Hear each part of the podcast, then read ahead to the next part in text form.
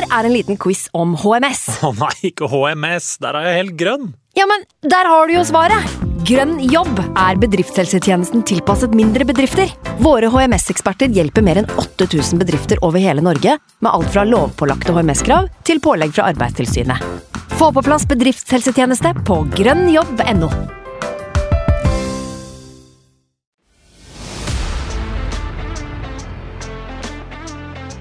When I lose a duel, I'm upset. When I lose the small side of the game, I'm upset. Because that's the fucking standard. Martin Odegaard into into the bottom corner. And Arsenal are dreaming.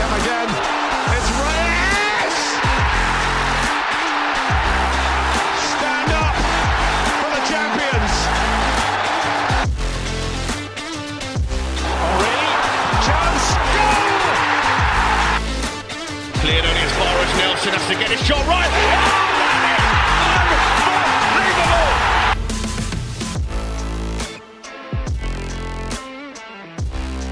I desemberkulda, adventen, har søttet inn, så eh, ble Arsenal opp med sambafotball på eh, Emirates mot eh, Wolverhampton, etter å ha vist at det offensive Arsenal er så absolutt ikke død i midtuka, med seks kasser mot RC Lens. Um, så har vi i tillegg da fått sett poengtap på store rivaler og ja, diverse kontroverser i, i de kampene. Velkommen skal dere være til en ny episode med Arsenal Station igjen. Andre gang på rad med hele panelet til stede. Det er Magnus Johansen, det er Sivert Skarsten Eriksen og det er meg, Andreas Larsen, som skal lose dere gjennom eh, Ja, det blir jo sikkert to-tre timer det med, med dritprat og riffing og i det hele tatt, så det, vi skal ha det jævlig, jævlig gøy. Um, Først av alt, Sivert, du, har, eh, du begynner å få ei lita rekke her nå. Det gjør for så vidt Magnus òg, men eh, du nevnte det før innspilling. Du må jo, eh, du må jo bare stå desember ut, du nå. Ja, jeg er jo ikke med neste. Jeg har eksamen det påfølgende mandag. Så jeg tenkte at jeg måtte bygge opp litt goodwill hos gutta. Altså Timingen er jo god, da. eh, på å stille opp eh, såpass bra. Altså, vi leverer jo som faen nå. Eh, top of the league med poeng, poengluke. Altså, nå begynner det virkelig å ligne på noe. Altså. Så nå er det bare artig. Det er alltid artig, men nå er det veldig artig. Ja, som du sier, topoengsluke ned til Liverpool, og nå fire poeng ned til City. Det, det lar seg høre, det, Magnus, når vi skal nå sette oss ned og eh, prate litt Nei, det er tre poeng, sorry, ned til City, ikke fire. Men um, det lar seg høre, det, Magnus, når vi skal prate litt eh, Arsenal i kveld.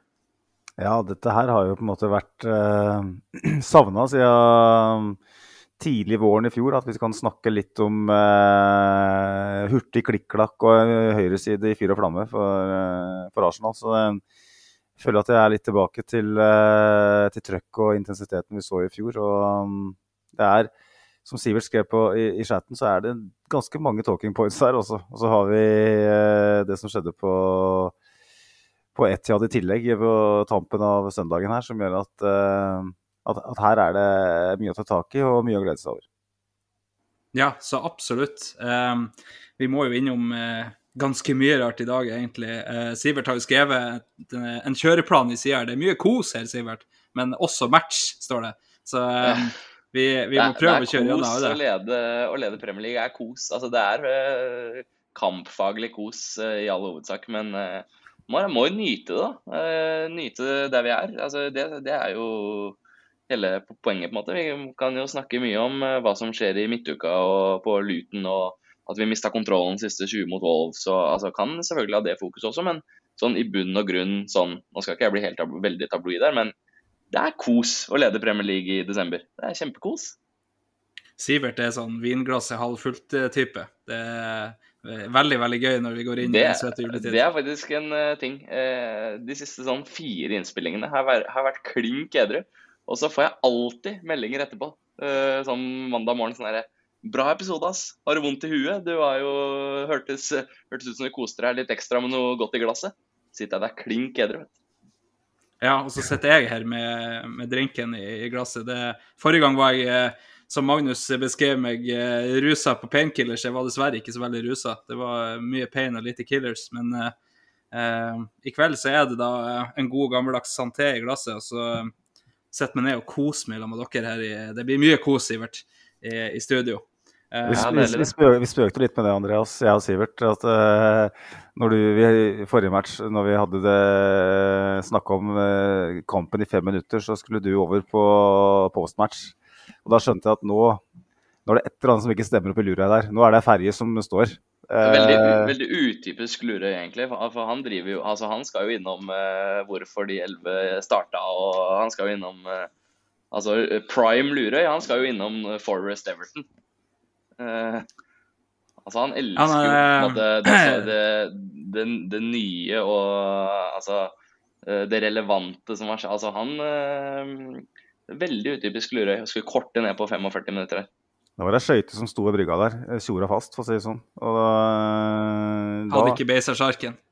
hadde ikke beista sjarken. nei. Og det så må du beisa man ikke- en sjark, man olja den, bare så det er sagt. Man du må vel ikke holde sjarken hvert år heller, for så vidt? Kommer litt an på Ah. hva du mener med det. for det, Jeg holdt et bryllupstale for et par år siden hvor, um, hvor jeg eh, refererte til en historie som uh, en kompis uh, og jeg har. Jeg kan godt ta den før vi begynner med Arsenal, for jeg syns den er ganske morsom. Han ringte meg en søndag morgen for 10-15 år siden uh, og var veldig gira. Klokka var halv ti, og vi, på den tida så var vi ute fredag og lørdag, så jeg skjønte liksom ikke helt hvorfor han skulle ringe så tidlig. Eh, og så er med veldig mye spring in his step, sånn stemmemessig, så sier han at eh, 'jeg har sjøsatt snekka'. Jeg bare Ja, wow, kult, gratulerer. Vil du at jeg skal hente deg på et boligfelt i Hamar, eller hva skjer, liksom? Eh, hvem, hvem, hvor har du sjøsatt snekka di hen? Eh, var spørsmålet mitt. Ja, Mjøsa, da. Mjøsa? Har du vært på båt i natt, sa jeg. Nei, jeg har sjøsatt snekka, sa han. Ja, hva mener du da? Snekka! Så jeg, har du snekke? Og så har du båt? Bare, ja, jeg har båt. Og så Du trodde, han hadde, du trodde han hadde vært litt heldig i sånn designet nattetimene der og skjøtta snekka, du? Jeg trodde han hadde sjøsatt den snekka, ja. Det trodde jeg. Ja, du, tro, du trodde han hadde fått årene i vann og dyppa laksen og oljeasylen olja og pløyd pluggfuren plogfuren eh, og i det hele tatt. Du, du, Altså- du, du kommer forberedt til eh, den her, Andreas. Det skal du ha. Ja, akkurat sånne metaforer har vi mange for her oppe. Det, det, er ikke, det skal ikke stå på det, for å si det sånn. To Eh, ordspill til på den nå uten at vi begynner å snakke Arsenal, så tror jeg alle skrur av, og, og egentlig meg inkludert. Ja, men det, det må være litt ordspill. Det skal være det. Nei, eh, det, det er klart eh, Min forrige opptreden her var jo på en måte ikke akkurat eh, min beste. Jeg sa vel det til dere etterpå, at det var min verste kveld framfor mikrofonen. Eh, Da tar jeg med mine mange tvilsomme opptredener på, på egen podkast i tillegg. Så nei, eh, jeg kjente jo det sjøl når, når Magnus bare «Øh, Vi må vel litt innom skåringa, vel? «Ja, vi må vel litt innom det? Og vi må litt innom... Så tenkte jeg bare å, herregud, jeg har ingenting for mikrofonen her å gjøre. Men uh, det, dere tok eh, fint over og, og glatta fint over den der, så da, da ble det ikke helt krise, i hvert fall. Um, men i kjent stil så må vi litt innom det meste i kveld, da. Um, vi kan jo begynne med lagoppstilling. Det Enkelte trodde kanskje at uh, Kai Havert skulle få lov å fortsette etter uh, meget fin opptreden sist, men eh, det var Trossar som, eh, som kom eh, tilbake igjen på den venstre åtteren. Eh, var det noen av dere som var noe spesielt overraska over det, eller skal vi bare hoppe videre, tenker vi? Det er, altså, vi må jo snakke. Vær så god, Sivert. Eh, Nei, altså jeg syns jo Havertz, etter å ha fått den sinnssyke opplevelsen der å avgjøre borte mot uh, godeste Brentford, og, og så levere igjen godt i midtuka, og virkelig liksom uh, funnet uh, foten sin. Så jeg ble litt overraska over å se at uh, Trossard starta. Vi hadde jo en uh, diskusjon sist etter nevnte Brentford hvorvidt det fungerte med Trossard eh, inne der i den rollen. Eh, Magnus mente jo at det en måte fungerte utmerket. Jeg syns eh, at det var litt eh, spikk og spe. Og ja, uh, Lurøy hadde jo painkillers. Han var ikke, han var ikke i diskusjonen. Men eh, vi, vi, nå fikk vi se Trossar igjen, da. Og, og ja, jeg er overrasket over det. Men uh, viste seg jo å fungere veldig godt. Det skal vi snakke om siden. Men ja, overraskelse, overraskelsen var der.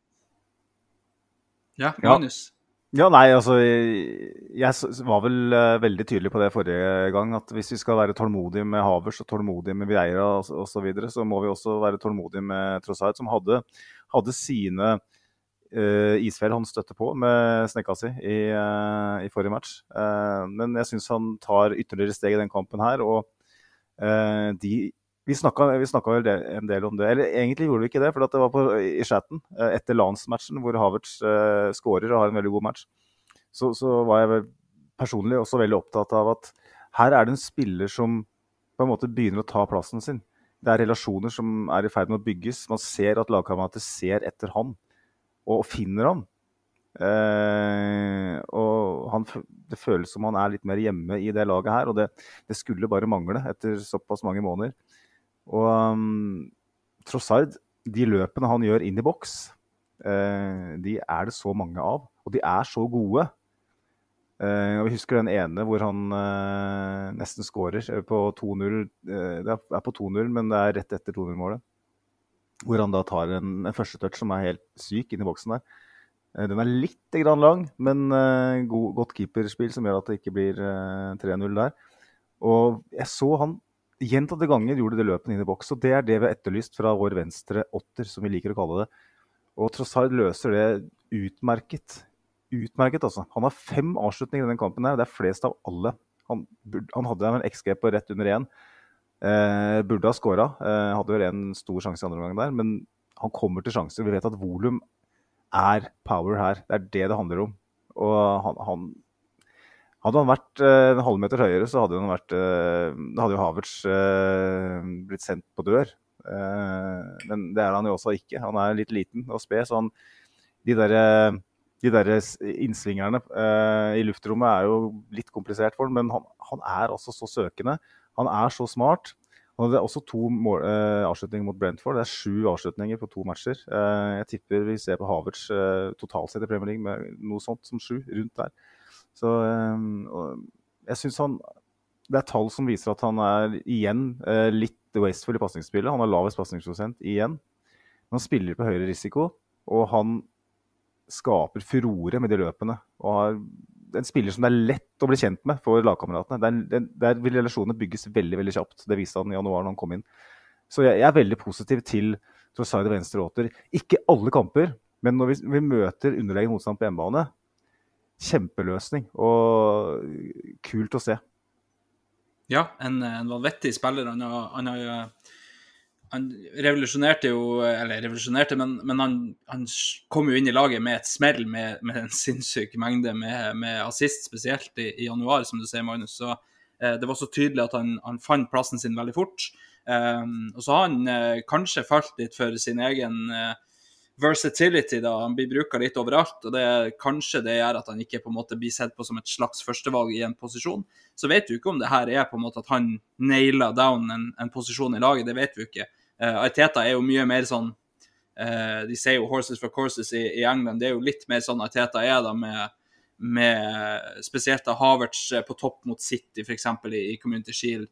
Uh, og, og, vi vil nok se det vi trenger litt mer muskler, så er det nok Havertz som er foretrukket. Men, men eh, foreløpig så ser det ut som både Havertz og, og Trossar finner seg mer og mer til rette og, um, i den rollen der, da. Uh, og til sjuende og sist er det det vi, vi, kommer til å tjene på. Det er jo at, at vi kan spille på litt forskjellige ting da, i, i den rollen spesielt. Um, så diskuterte vi jo litt det der med Sivert spurte jo i chatten vår hvordan formasjonen spiller vi egentlig med. Uh, og da kom vi vel med sånne sju-åtte forskjellige varianter der. Det er, jo, det er jo umulig å kunne Nei, si helt. Nei, det er ikke det. Altså, det vi, det vi, stiller opp med på papiret, det er jo ganske langt unna det som er to sekunder inn i kampen. Så um, nei, det, det, er ganske gøy å følge med på uh, sånn taktisk messig på, på Eteta. Uh, sånn sett er jo Trossard altså, perfekt. Altså superbra mm. over, over på en måte hele bredden på banen. sånn high risk, high reward-spiller som liksom aldri ser seg om etter uh, bakoveralternativer. Og han er latterlig bra. Uh, så jeg, er enig. At, uh, selvfølgelig er jeg enig at det fungerte veldig veldig bra nå sist. Så det blir spennende å se. altså Han kommer garantert til å starte mot Luton, tror jeg. Nettopp pga. det jeg sier her nå. altså Mindre plass. De kommer, altså, de kommer til å elleve mann bak ball. tør, å, tør å ta ansvar, tørre å skyte. Så jeg har veldig troa på å se Trossard mot Luton nå i midtuka, det fortjener han veldig. Så, ja, så er det jo spennende. Så det, kanskje vi trenger en som, som, prøver på litt verre ting, da. Eh, ikke bare litt mer safe. Nå, Ødegaard var jo mye mer eh, adventurous i denne kampen her, da. Nå, jeg er helt fri for norske ord, bare så det er sagt. Eh, men han, han var mye, mye mer på de på en måte kall det geniale stikkerne. da, Den her to eh, touch-pasninga med utsida som han kjører på både Edin Ketty og Trezar. Eh, og jeg sa det jo til dere før innspillinga, du ser det så tidlig på Ødegaard om han har eh, dagen eller ikke. For, for den kroppen hans blir altså flytende som, eh, som smelta smør, omtrent. Eh, og da skjærer han gjennom som kniv i vannsmør når han, eh, når han har dagen. Eh, Ok, men- Nå, nå, nå smører du på tjukt der. Ja, Å, jeg, smør, jeg smører litt tjukt på. Ja, OK, da. Det, det er greit. Da jeg gikk på en smørebom der. Det, så, sånt kan skje. Og, um, og med det så kan vi gå videre til å prate litt om kamp igjen. For, for første gang på ganske lenge, så ehm, hvis vi ser bort ifra landskampen i midtuka, så, så skjer det jo ting ganske tidlig da i målprotokollen. Det var jo første gang på eh, ja, hvor lenge at de skåra innenfor første kvarteret.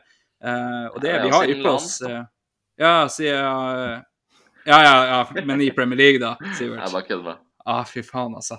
Ah, er nå- som kommer og skal ypse. Eh, Oppstandasi. Eh, men ja, vi har jo yppa oss litt. Grann. Saka så ut som han hadde kjempedagen eh, alene mot to, men det, det gjør ikke så mye. Tomiyasu har nok en fantastisk kamp eh, med overlappene sine. Han har en helt sinnssyk motor. Um, og så er det da eh, fint kombinasjonsspill, litt flaks, og så sitter han, da. Um, Sivert, du kan fylle på om det her målet her. Uh, nei, altså egentlig så bare Det blir jo litt rotete at jeg skjærte inn der, da, men jeg bare hørte navnet til Tomiyasu, og så frøys hele kroppen min her. Er, er han ute, eller? Ja, det, det, det jeg leste, eh, var vel at de har eh, foretatt noen eh, såkalte skanner, og kan tyde på at han er ute noen uker. Men ja, vi får vente på mer offisiell informasjon før vi sier noe bombastisk. Men det, det, er jævlig trist, altså. Det er så trist. Ja, det, en- føles jo litt som på en måte hans eh, flaks så langt i Arsenal òg, da. Mm. Eh, han får en sånn sinnssyk periode nå der han, eh, han er så jævlig god. Eh, det er sånn at Ja, Ben White er klar igjen, men han, det er ikke snakk om å sette han inn for Tomiyasu, liksom. Eh, og så, så får han en skade nå.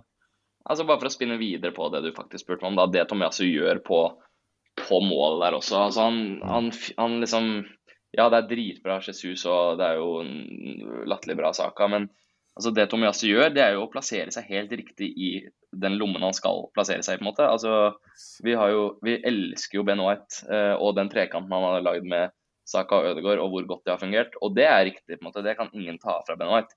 Men å være så klok som det Tomiasso er der, og liksom altså Det er en grunn til at han er i den, i den lomma der ballen detter ned. Det er, det er rett og slett bare fordi han er helt rå.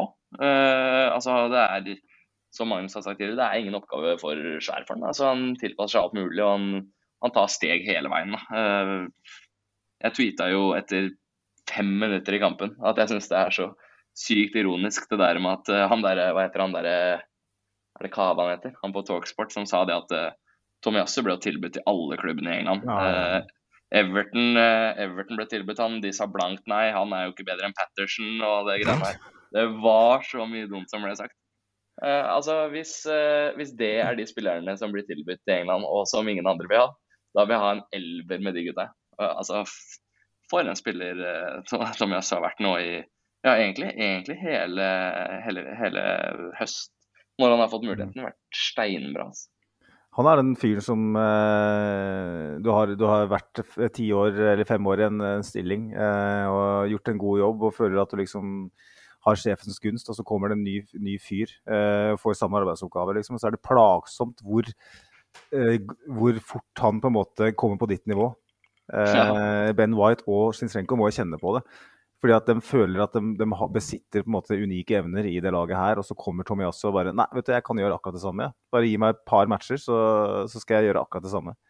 Det er, det er helt utrolig. Og, og så er det også helt utrolig synd eh, hvis han er en av de her spillerne som, som vi aldri kan stole helt på uh, fysisk. Fordi at da, da er det nesten meningsløst, da.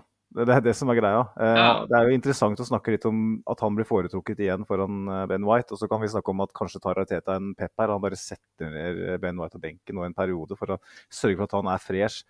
Det er Når vi snakker om det der med å pike ut på vårparten, så, så er kanskje det noe jeg kjøper, da, kontra den der maset om at nei, men Arsenal velger å ikke fyre på alle syndere. Vi, vi, vi, vi velger å ikke ha tempo i angrepsspillet vårt, liksom.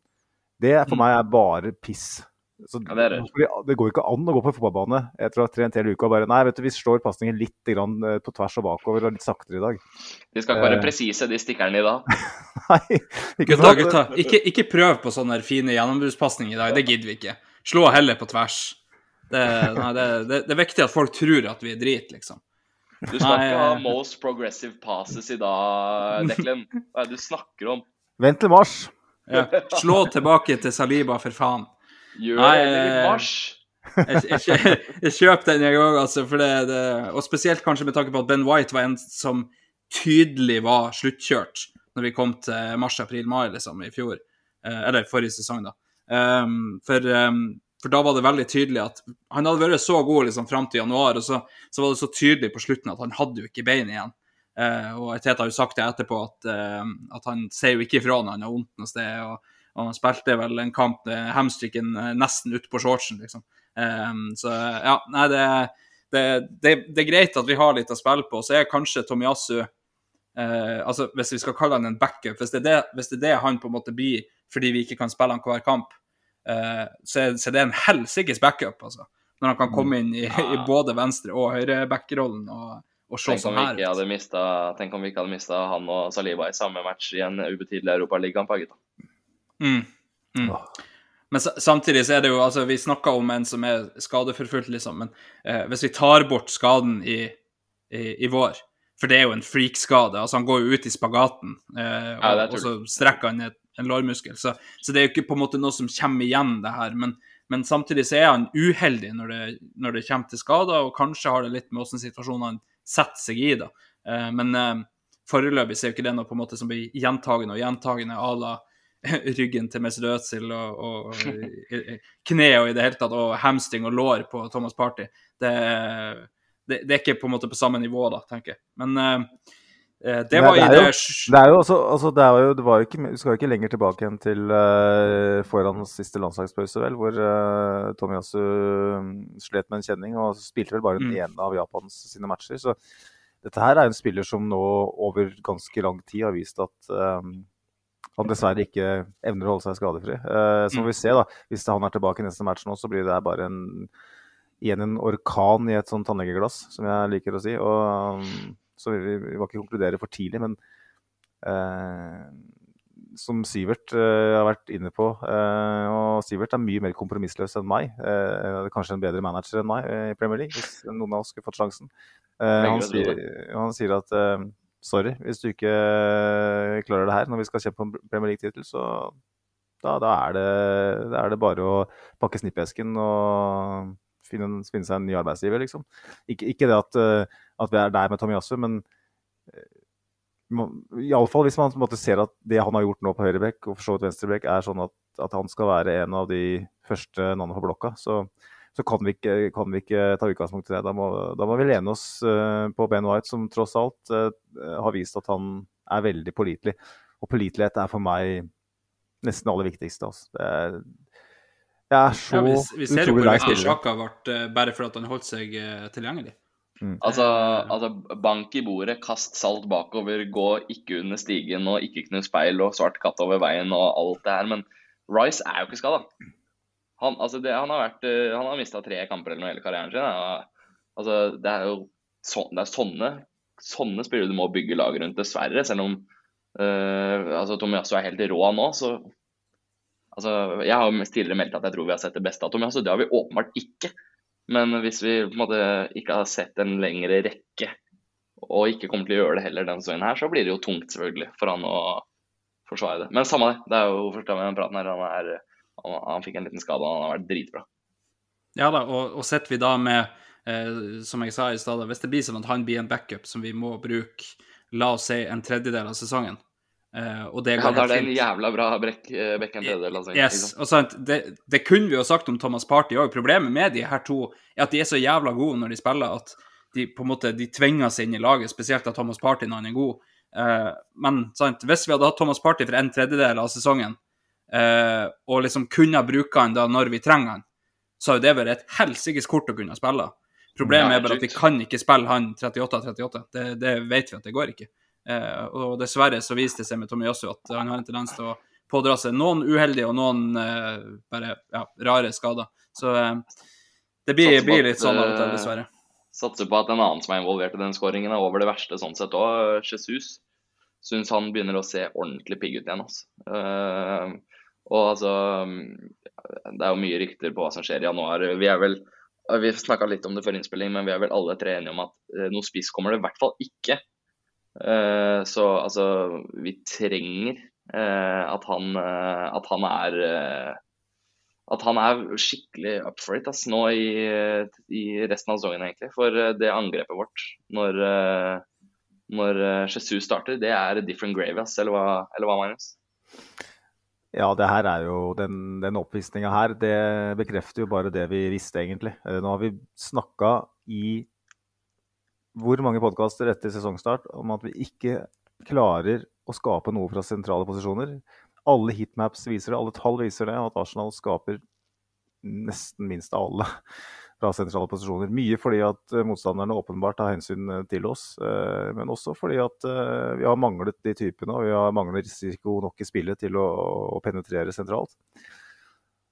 Og den matchen her, det er lov å si. lov å si. Eh, vi har ikke sjøsatt Snekka sentralt eh, nok denne sesongen her. Eh, Ikke nok og- olje på sylen, vet du. vi gir oss mens leken er god, Andreas. Eh, okay. ok. Og så, så Så må jeg bare si det at eh, Lars Kjernås er jo en, en av de jeg på en måte gleder meg til å høre på når Arsenal spiller. Han hadde et veldig godt poeng med, med det at, eh, at Wolverhampton, som mange andre, kjører indreløperne sine ned på Martinelli og Saka. Som da i prinsippet bør åpne eh, de rommene sentralt. Eh, I de kanalene, for å kalle det det. Og det så vi at Arsenal utnytta i den kampen her. Og vi, vi, kan godt, vi kan godt nevne det. Martin Ødegaard har slitt med hofteskade, han har slitt med hjernerystelse. Eh, og har kanskje egentlig ikke på noe tidspunkt denne sesongen her på en måte vært helt i rytmen. Og han er jo den spilleren som på en måte har en mest definerte rolle i, i, i en sånn kanal. Uh, og så har man Zinchenko på motsatt side, som vi skal innom uh, etter hvert. Og det er helt utrolig hvordan vi plutselig, med de rette spillertypene, med Jesus da i boks, viser at eh, det handler vel så mye om Arsenal og Arsenals eh, form, eh, tilgjengelighet for spillere, som det handler om at motstanderne tar hensyn til oss. Eh, jeg klarer nesten ikke å finne en spiss som er mer skreddersydd for Arsenal eh, enn eh, Gabriel Jesus. Han er tungt involvert i begge skåringer. Er med og skaper, igjen for å bare si det, feilvendt eh, i begge situasjoner.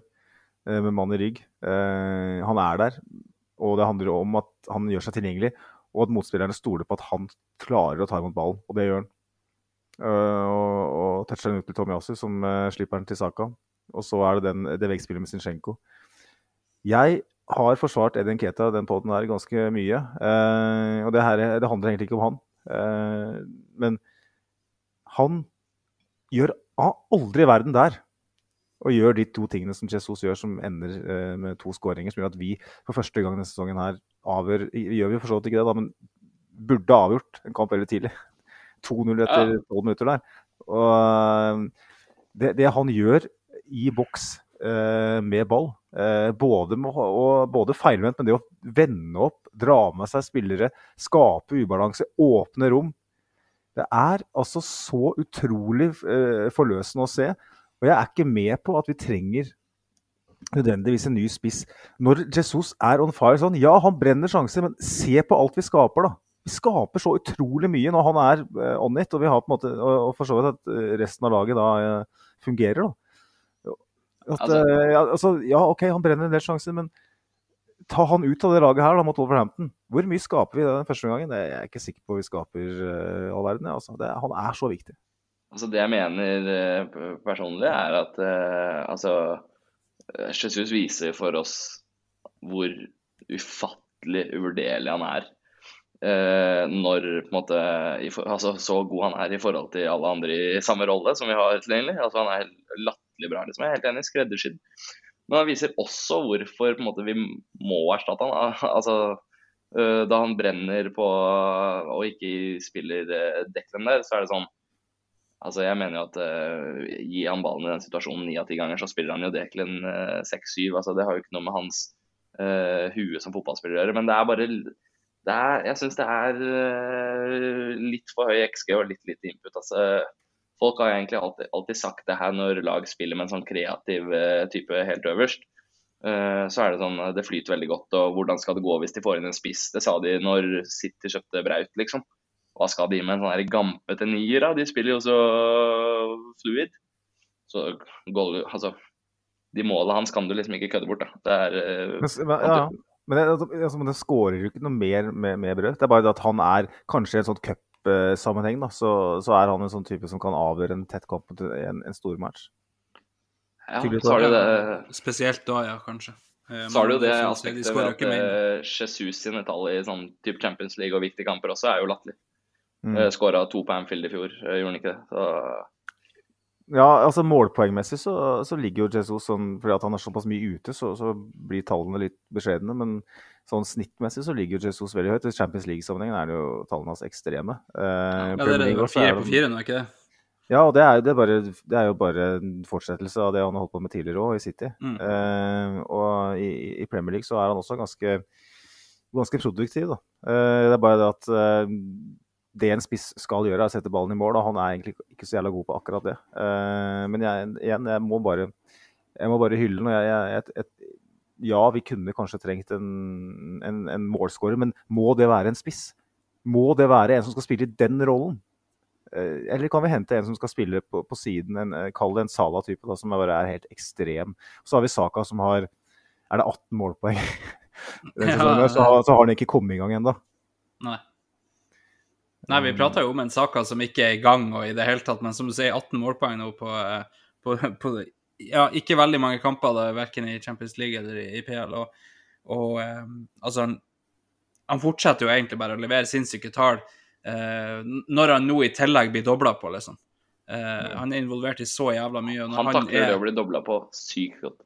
Ja, det, det, det, er sånn hatten av, liksom. For, uh, for det er um, det er ekstremt, det han gjør på, på 1-0-målet, f.eks. Det han gjør på eh, eh, ja, flere ganger i, i, kampen der, er jo sykt. Og så har han jo et eh, relativt dårlig innlegg som førte til 2-0, som går over alt og alle, før, eh, før da um, Sinchenko får ballen inn til Jesus, som, som Magnus nevner. den ballen tilbake igjen til Sinchenko der for Jesus, det er perfeksjon, ass. Eh, mm. Og så er det da Trossar som har drevet med seg en mann. Eh, ballen blir lagt ut til Ødegaard, skåra på andre kamp på rad. Det er Ja. Det, det, det, er rett og slett Det er jo fotballpoesi, akkurat det angrepet der. Eh, det er jo eh, De sammenligna det med Jack Wilshere-målet mot Norwich. Det er nok et par har gått dit, men, eh, men vi skjønner jo litt, på en måte. De blir jo dratt tilbake igjen til, til Wenger-fotball. det ene målet Emery hadde med, mot Leicester der, der alt bare flyter. Eh, det, sånne mål er jo deilig. Det er sånn som du bare Ja, når, når Ødegaard er oppe med, med neven der og bare Uff, det der er det, det, er et heftig mål. Sinchenko står bare og brøler til fansen eh, når han ser at den går inn i Ødegaard. Det, det, er deilig. Og, og det er sånne eh, angrep vi, eh, vi husker og, og, vi liker å se. Når det går eh, klikk-klakk, alt sett, bevegelsene sett, pasningen, alt er perfeksjon. og eh, og eh, det er jo litt eh, gøy at det starta med et dårlig innlegg eh, fra Saka på andre sida, som de faktisk må ut og hente, og så starte på nytt. Men etter det, da, så er det altså det er jo 2-0 på under kvarteret. vi så jo noe tilsvarende mot Lans. da var det jo bare å fortsette å kjøre, liksom. Vi, vi, kunne jo fort ha hatt i hvert fall to til her. Vi skal jo snakke om en, en straffesituasjon osv., osv. Men Eh, men vi ser jo da eh, det, nå, nå, kan det hende at mine små grå ikke husker så jævla godt, men er det så veldig mye mer å ta med fra første omgang, gutta? Eh, vi eh, Magnus vil snakke mer om angrepsballen, og det kan vi for så vidt gjøre. Eh, ja. For nå har vi to kamper på rad der det på en måte har løsna litt. Vi skaper jo ganske mye mer etter 2-0. 2-0 kommer etter 12 minutter. Mm. Og det burde jo ha vært 3-4 her. Jeg, jeg, har ikke studert XG, men jeg tror den i første omgang mot uh, Wolverhampton Jeg blir ikke overrasket om den er høyere enn den uh, mot Lance. Det handler bare litt om effektivitet her. Og um, husker jo Trossard sin, som vi nevnte, og det er flere, flere sjanser som blir, blir, skapt. Og det bare er Det er en risiko som blir tatt i, i det offensive. Det er en kjemi uh, mellom spillerne her. Og, og, nettopp det om risiko. Vi skal snakke om Zinchenko, og vi skal være uenige om Zinchenko, antar jeg. Men den ballen han slår på Jesus først der, det er den ballen jeg har venta på. Eh, det er den jeg på en måte åpner adventsluken min hver morgen nå i desember og tenker kan jeg være så snill å få en sånn ball? Fordi at den, den, den har nesten ikke blitt slått denne sesongen her. Man har slått på tvers. Han har slått ut på uh, en Saker Martinelli som har to mann på seg. Så tilbake til Declan Rice, tilbake til Saliba, frem igjen til Declan Rice, ut. Og så, og så blir det så lite ut av det. Så venter man uh, ender man med å slå et, uh, en curler på bakerste stolpe, hvor Havertz ikke er. Det har vært litt storyen offensivt for Arsenal når vi har mye ball. Og her bare, her bare punsjes ballen inn. Skyt, pasningen skytes nesten inn på Jesus der. Nettopp fordi at vi har en spiss som man vet kan ta imot den ballen. Eh, og så Og så klarer ikke Wolverhampton å henge med. Fordi at selv Luton klarer å henge med hvis man står og triller på tvers og det ikke går fort nok. Man må, man må på en måte være Man må på en måte ha en sånn såkalt overbevisning eh, inni seg selv og som lag om at den ballen jeg slår nå, den klarer lagkameraten å ta vare på. Og den som tar imot ballen, må vite at når jeg tar imot den ballen, så kommer eh, en annen lagkamerat eller samme lagkameraten på det løpet. Det må, være, det må, være, en automatisering av ting. og det er jo Teta snakka om. At, eller spesielt Ødegaard for så vidt snakka om at når man gjør ting på trening mange nok ganger, så, så, blir det nesten automatisk. Man gjør det nesten i blinde. Eh, det blir reflekser, nesten. Og, og det syns jeg angrepsspillet i første omgang bærer preg av. Eh, vi har ikke sett det så mye denne sesongen her, men andre, spesielt den andre skåringen er, det, er, det, er det vi venter på. For jeg har ikke kjøpt de argumentene med at eh, det handler kun om at motstanderen tar hensyn. Eh, vi har ikke tatt nok risiko i angrepsspillet vårt. Eh, og vi har ikke hatt nok tempo i angrepsspillet vårt på hjemmebane. Og jeg var helt ærlig litt sånn usikker på hva årsaken til det var. Men vi ser jo nå at det handler veldig mye om hvem som er tilgjengelig, og mye om hvor mye tid får de sammen på banen. Og nå, nå har vi kjørt to, to, er det tre strake matcher nå med Jesus, Martinelli og, og Saka. I tillegg hatt Ødegaard uh, nå i, i, tre kamper, vel. Og Rice jo, står jo der, han er jo aldri ute. Eh, og så tross alt blir to kamper nå. Havertz har fått mange matcher nå etter hvert. så man ser at relasjonene begynner å stemme. Og um, da blir jeg veldig positiv. Uh, jeg vet ikke om dere, dere gutta liksom uh, Det er litt interessant om dere på en måte har en annen angle her, liksom, uh, enn meg. Nei, er det så mange andre engler å ha? Altså, vi Vi har jo sett Jeg tror det handler veldig mye om altså Med Havertz handler det om sjøltillit. Med, med Martin Ødegaard, som du nevnte i stad, Magnus, så handler det om Eh, at han rett og slett har ikke vært 100% Jesus vet vi ikke har vært 100 um, eh, Saka og Martinelli har på en måte savna den i midten der å kombinere med. Uh, Martinelli spesielt Jesus, uh, Saka kanskje spesielt Ødegaard. Uh, så jeg, jeg tenker det, det, handler mye om at, at ting har ikke kommet i gang for oss. Det er ikke bare det at, som du sier, Magnus, at, at de dobler på kantene. For for det, som Sivert bruker å si, matten vinner alltid. Altså når, det, når det er en ekstra mann som kommer ut, så er det en mann som ikke har en markør. Eh, og hvis du da tar risk nok, så flytter du opp den ekstra mannen i det rommet der det er rom. Eh, men det har vi ikke egentlig gjort så langt. Om det er Ariteta som ønsker eh, å være kaldere, ønsker å kontrollere, det vet vi jo ikke. Han sier jo eh, etter kampen nå mot Wolves at eh, det er sånn her vi ønsker å framstå, det er sånn her vi ønsker å spille, osv., osv. Men, men eh, Nei, det, det, er jo litt spesielt på en måte at uh, at vi ser så stor forskjell fra i fjor til i år. Og så er det, det er to forskjellige lag, det er to forskjellige sesonger, alt det der. men, men jeg syns jo Vi har kritisert Ødegaard mye i, i, de siste episodene med tanke på hvor lite risiko han tar, hvor lite han prøver på de stikkerne. Det virker som han har eh, Vi sa vel at det virker som han spiller mye mer for seg sjøl. Uh, han prøver mer å dra inn og skyte enn han prøver å stikke gjennom. Denne kampen her så prøver han jo absolutt på de stikkerne og, og skulle jo hatt tre til fire målpoeng i, i, kampen her. Uh, Syns jeg det eh, veldig interessant take. Når det er sånn at uh, José Sa eh, går ut etter 2-0 for han tenker at det her blir en slitsom kveld, da, da begynner det jo å klaffe litt. Grann. Eh, jeg vet ikke, Sivert, har du noe å, å fylle på om uh, angrepsspillet vårt? Altså, vi har jo en XG på rundt tre, uh, som er på en måte latterlig bra. Da vinner du fotballkamper. I hvert fall når Altså, jeg syns at vi bevarer kontrollen da, i det vi på en måte Altså ja, Det flyter jo mer og, og, sånne ting, og vi kanskje tør å gå for det litt mer også enn det vi har gjort tidligere denne sesongen her. Eh, men jeg syns jo at kontrollen på en måte bevares, da.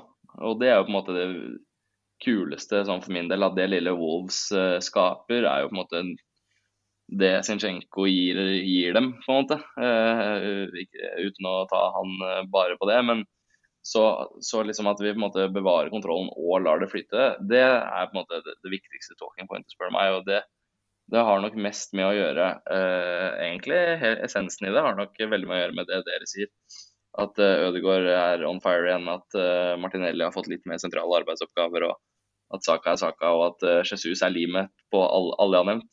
Det er nok hele poenget her. At vi har, altså, vi har spilt uh, egentlig hele sesongen med uh, en Havertz som har vært under vanvittig press før han har fått det helt til. Jorginho som alle har avskrevet. Enketia. Altså, det er, det er, jo ikke på en måte mannskap som, som skal gli. Altså, sånn, det går litt seint med Jorginho. Det har ikke klaffa med Havertz. og ja, Enketia er jo bare tidenes spørsmålstegn. Så på en måte, det er jo nå vi begynner å se konturene av hva som er planlagt. Og at, eh, at eh, pilen da peker i riktig retning, er jo helt avgjørende. Mm. Og Ødegaard er jo ja. interessant å, å, å ta, ta, en liten prat om. Eh, jeg har sett på noen tall der som eller bare bekrefter det vi ser. Men som, som ble nevnt her, så, så, er han kreativ i den kampen her, og det har han ikke vært egentlig denne sesongen her. Han har vel rundt én i XG, expected assist, og det, det, det er ganske mye. Da, da, kan du stå med tre assist, ikke sant? for da, da, har du skapt flere store sjanser, gjerne. Eh, og han har 88 pasninger, som er flest i laget. Eh, interessant at, at, han og Declan Rice annet har flere uh, pasninger enn uh, midtstopperne. Saliba er jo nesten alltid den som har flest pasninger. Jeg syns det er godt å se at vi, at vi, klarer å flytte spillet vårt høyere i banen det handler òg mye om at, at en Ødegaard eh, er, er i, i, i, det rette lynnet. Og at vi har en, en Trossard som beveger seg eh, på en litt annen måte, som skaper rom, som gjør at det er mulig å, å, å få i gang et pasningsspill der. Eh, han har seks nøkkelpasninger. Det er mye. Eh, det er flest. 21 progressive pasninger. Det er flest.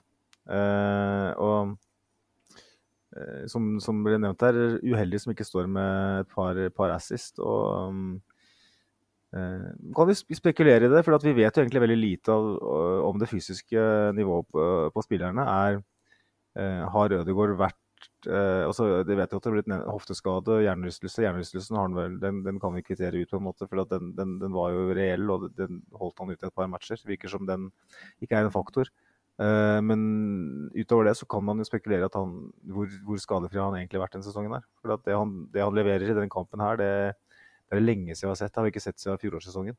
Og, uh, Saka er jo allerede i gang, og får vi i gang Ødegaard, får vi i gang Martinelli, så da, da, da satt jeg og så på Liverpool eh, i dag og så at dem eh, litt sånn klassisk dramatisk. litt Brennan Rogers, eller kanskje våren 2023 med Ariteta. at det man vinner fotballkamper med, på veldig dramatisk vis. Eh, slipper til altfor mye, gjør altfor mye feil eh, i egne rekker. Eh, mens Arsenal på en måte eh, i motsatt eh, fall eh, er ekstremt kontrollerende, slipper til ekstremt lite, men har skapt for lite framover. Hvis vi får i gang Ødegaard, Martinelli og den gjengen der, da, da begynner tankene mine å, å, dra et sted som jeg egentlig ikke har lyst til å snakke om. Altså, det er jo gøy at vi på en måte skårer to og valser over eh, periodevis. Eh, og har fire big chances mist. Altså det, altså det, er en stat som er veldig misvisende på tallene.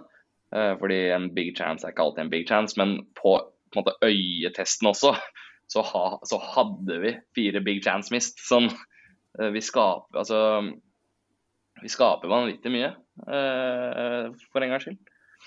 Og altså, klink avgjørende. For ja, f.eks. Anfield i dag. Et uh, skal jo ikke skåre tre mål på Anfield, men så gjør det det. og Liverpool, Det er ikke tilfeldig at Liverpool er på måte gang på gang de som gjør det på Anfield. At de skårer fire når de slipper inn tre. Fordi at de, altså, de, de, nekter å stoppe. De bare valser om motstander, og da skårer du fire, på en måte. Så kan du snakke om hvor bærekraftig det er eh, å gjøre det på den måten. Men nå begynner vi å bli et lag som skaper i de volumene og har så kontroll defensivt. Og da begynner det å spøke for de rundt. Ja, da begynner vi jo på en måte å nærme oss eh, City-land, hvis vi tenker på på en måte peak City. da. Eh, de slapp nesten ikke til noen ting, og, og skåra noe helsikes med mål. Det var jo sånn de de vant 5-0 eh, og sånn uh, i, i glansdagene sine, på en måte. Um, det er jo veldig interessante poeng som blir tatt opp her, da, og, og det er jo, uh, som Magnus er inne på, vi vet jo ikke helt uh, hvor, hvor fitt Ødegaard har vært, men, men, sånn som så imot Wolverhampton i går, da, vi sitter jo her på søndag som vanlig, så så, så han jo på en måte frigjort ut på et vis, da. Det så ut som bevegelsene var så mye mer fri i forhold til det han har på en måte eh, sett ut tidligere. Altså, Hvis vi skal sammenligne det vi har sett tidligere denne sesongen, her, så er det jo nesten sånn han har spilla i tvangstrøya.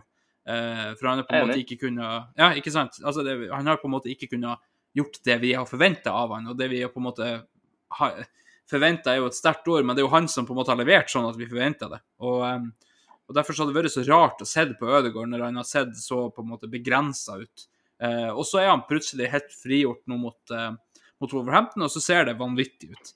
Eh, og det er, det er, veldig, veldig gøy, eh, for det, det, er sånn vi, vi, liker å se kapteinen vår, absolutt. Um, det er jo eh, Vi har jo fått noen innspill på det her, da, eh, Sivert, spesielt da, eh, med tanke på Ødegaard og Saka. Eh, AFC Hauge på på Twitter. Han spør, eller sier da resultatet lyver litt. var mer enn 3-4-0-kamp.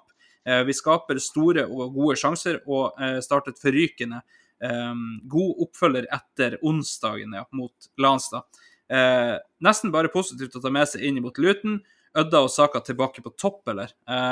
Og da kan jo du begynne med det, Sivert. Er det, sånn, er det sånn at vi på en måte ser nå at Saka Ødegaard nærmer seg peak igjen, eller er det enda et par hakk å gå på?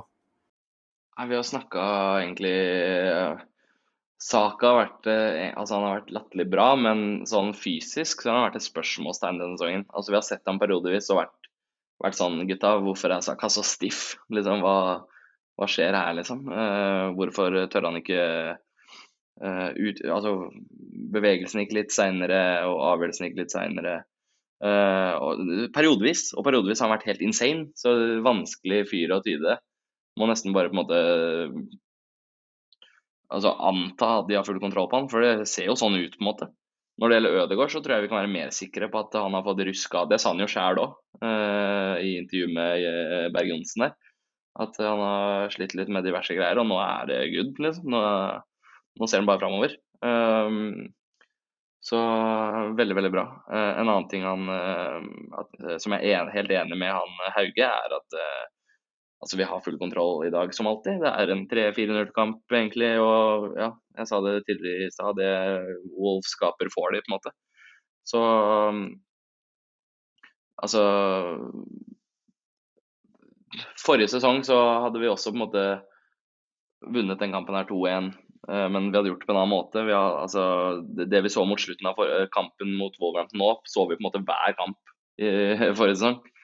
Ehm, så det eh, min gode svenske kamerat Gustavsson eh, også sier, da, er jo Han spør om vi er større tittelutfordrere denne sesongen. Eh, og altså Det er jo på en måte hevet over enhver tvil, syns jeg nesten. At det vi viser nå, den kontrollen vi viser ved at vi spiller en 3-4-0-kamp igjen mot Wolverhampton som ja, De mangler flere spillere og sånn, så vi møter jo på en måte ikke toppa Wolverhampton. Men hvis vi bare ser så utrolig stabile ut, da.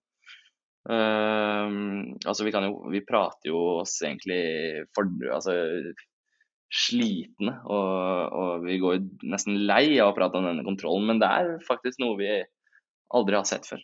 Uh, vi er bare helt avhengig av at Saka og Ødegaard på en måte gjør det litt mindre spennende. For altså, til nå har vi hatt full kontroll og vunnet med ett mål, fordi vi har ikke det har ikke, altså, vi har ikke klikka, liksom. Så det er, like viktig at det begynner å fyre litt offensivt. og Sånn ser det jo veldig ut nå. da. Så er Lance, som ikke helt får det til i Frankrike, og, uh, på en måte Wolves med fire mann ute, kanskje ikke det beste parameteret. Men uh, vi kan jo ikke slå annet enn det som er foran oss heller, og det ser veldig bra ut. Og så Ja, handler det om å skåre tidlig, altså, eh, som jeg syns er et viktig poeng her. Da, fordi at eh, disse kampforløpene kunne vi ha sett flere av hvis vi hadde vært litt eh, mer hissige på grøten. Eh, og hatt litt eh, eh, mer muscle memory, eller relasjonsmemory, i laget. Mot Lans så syns jeg jo mm, bortelaget starter veldig friskt. og ser ut som nok et lag som skal by på de samme problemene for oss. Og så er det Kai Havertz som dukker opp der på, i, i boksen. Og så endrer forutsetningene seg, for at Lance må jo få med seg noe. Uh, og uh, igjen, uh, mot, mot Wolverhampton, så, så får vi de, de tidlige skåringene. Og det, da, da, da, da blir jo jobben en helt annen. Så mer av det, tenker jeg. Eh, Det er greit nok at man skal ha kontroll, men jeg tror vi kan ha den kontrollen samtidig som vi tar større risiko. Og eh, med, med de gutta som dere nevner i, i flytsonen, så, så bør det gå. Jeg, jeg må bare legge til om, om Bukayo Saka. Vi, vi må snakke om Bukayo Saka, for det gjør vi jo egentlig aldri. fordi at det er litt som sånn eh, kaviarskiva som du tar til frokost. Du, du vet hva du får det, det er Mils, det er litt eh, majones blanda i den kaviaren. Så at, eh, det gir deg den lille freshe starten du trenger på dagen. Eh, og så, så tenker du ikke mer over det. Så du sender ikke mail til Mils og sier 'tusen takk for at du gjør mandagene min bitte litt mindre jævlig'. Eh, der er vi med saka nå. For at han, han, selv på dårlige dager, selv når kaviartuba på en måte er sånn at du har eh, Du må nesten få Du må nesten skjære deg på tommelen for å klemme ut eh, siste biten, liksom. Du må spille han- ut med vann. ikke sant? Så klarer på en måte Saka å dekke skiva, da. Eh, og det- det er helt utrolig imponerende. Og jeg får Patrick Vieira-vibber, og det Jeg tror dette er en fyr som Han tåler ekstremt mye.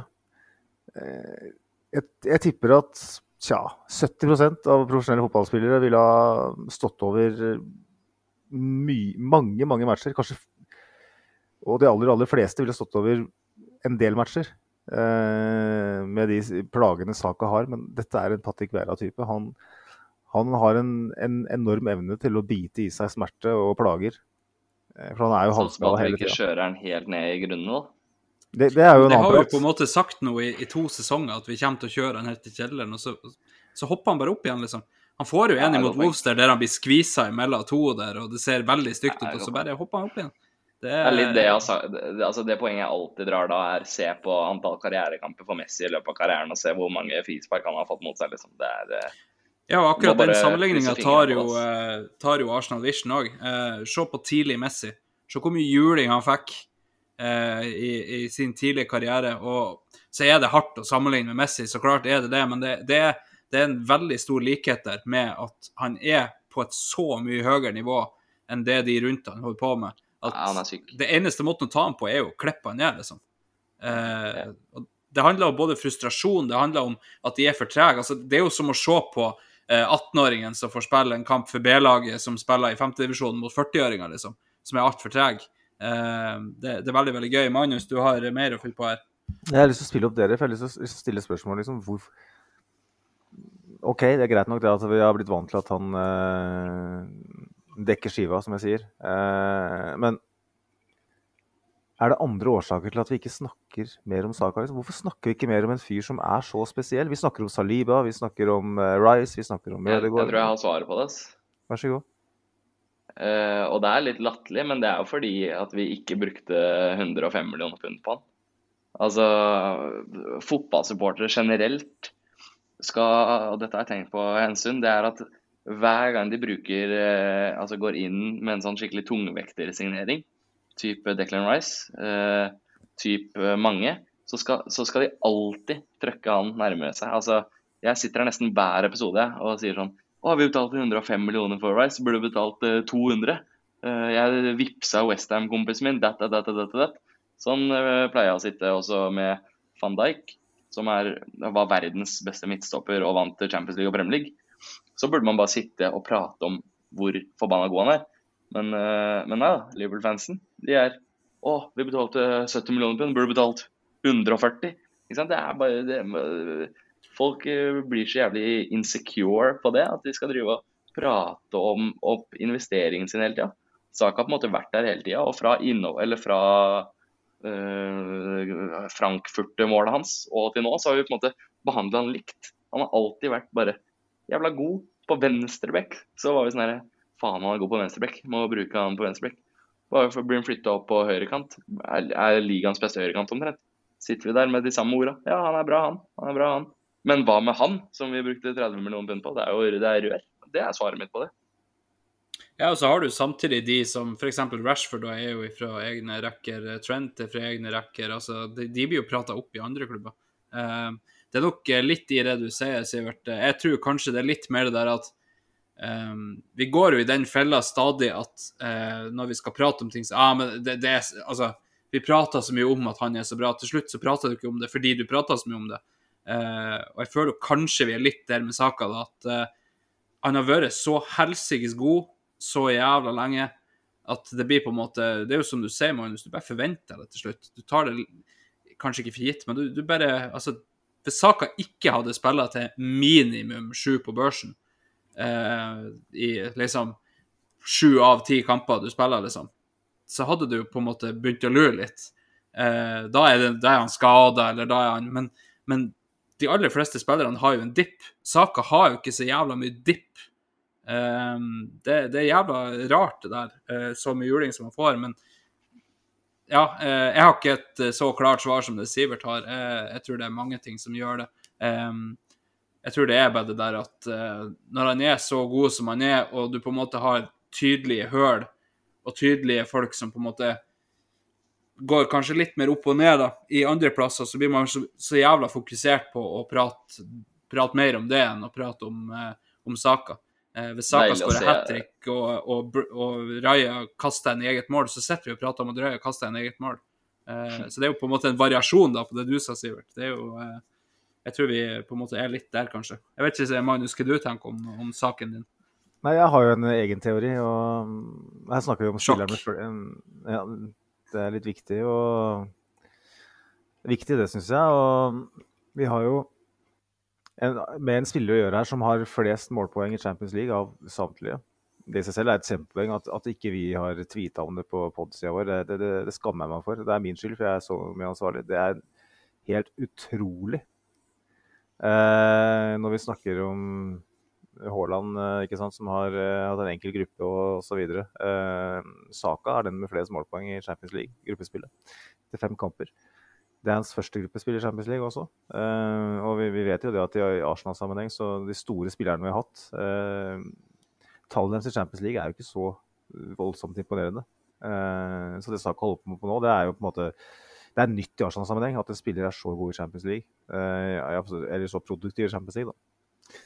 Uh, og så har han skapt flest sjanser i Premier League, uh, ifølge Oppda. Uh, eller var det Orbinio? arrester meg gjerne. Det òg er jo ganske sykt den sesongen vi snakker om at Arsenal ikke skaper nok. så Saka han, han, presterer på en måte best på diverse parametere i, i, de to mest prestisjetunge klubbturneringene i verden.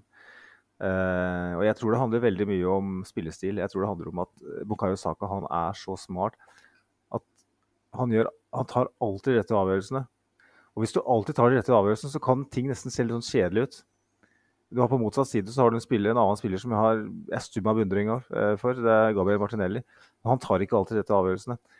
Av og til så, så går han på utsiden når han bør gå inn, og så ender han opp med å drible tre mann. Uh, og så ser det jævlig spektakulært ut. Og så bare Wow, se på Martinelli! Se, han dro av tre mann, liksom. Men Saka trenger ikke å dra tre mann, for han, han, går alltid rett vei. Han går alltid rett rom. Han slipper alltid ballen riktig. Han tar alltid rett avgjørelse. Eh, og da, da mangler du bare på en måte backup-effekten.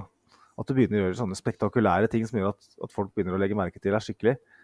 Og da, da, da tenker jeg jo på det Han hadde ett skudd i den kampen her mot, mot, eh, mot Wolverhampton som seila rett over fra langt hold. Han hadde det mot Forest eh, i første serierunde. Han, han har det i seg. Han må begynne å gjøre de spektakulære tingene. Og hvis han først begynner med det United i fjor, da. ja, ja, ikke sant? Hvis han begynner å gjøre det på, på regular basis, sånn som Salah gjør for Liverpool, da begynner folk å, begynne, begynner folk å se på tallene til Saka. Men inntil han, så lenge han på en måte gjør ting så uh, effektivt og, og, og, og, riktig uten å på en måte gjøre de der helt syke tingene, så kommer han til å seile under radaren. Og på en måte, når vi er i den situasjonen vi er, at vi ikke er enda helt friskmeldt uh, offensivt, så er det kanskje bra da at den ene spilleren som på en måte produserer, ikke blir hausa opp, sånn at det blir enda mer fokus på han.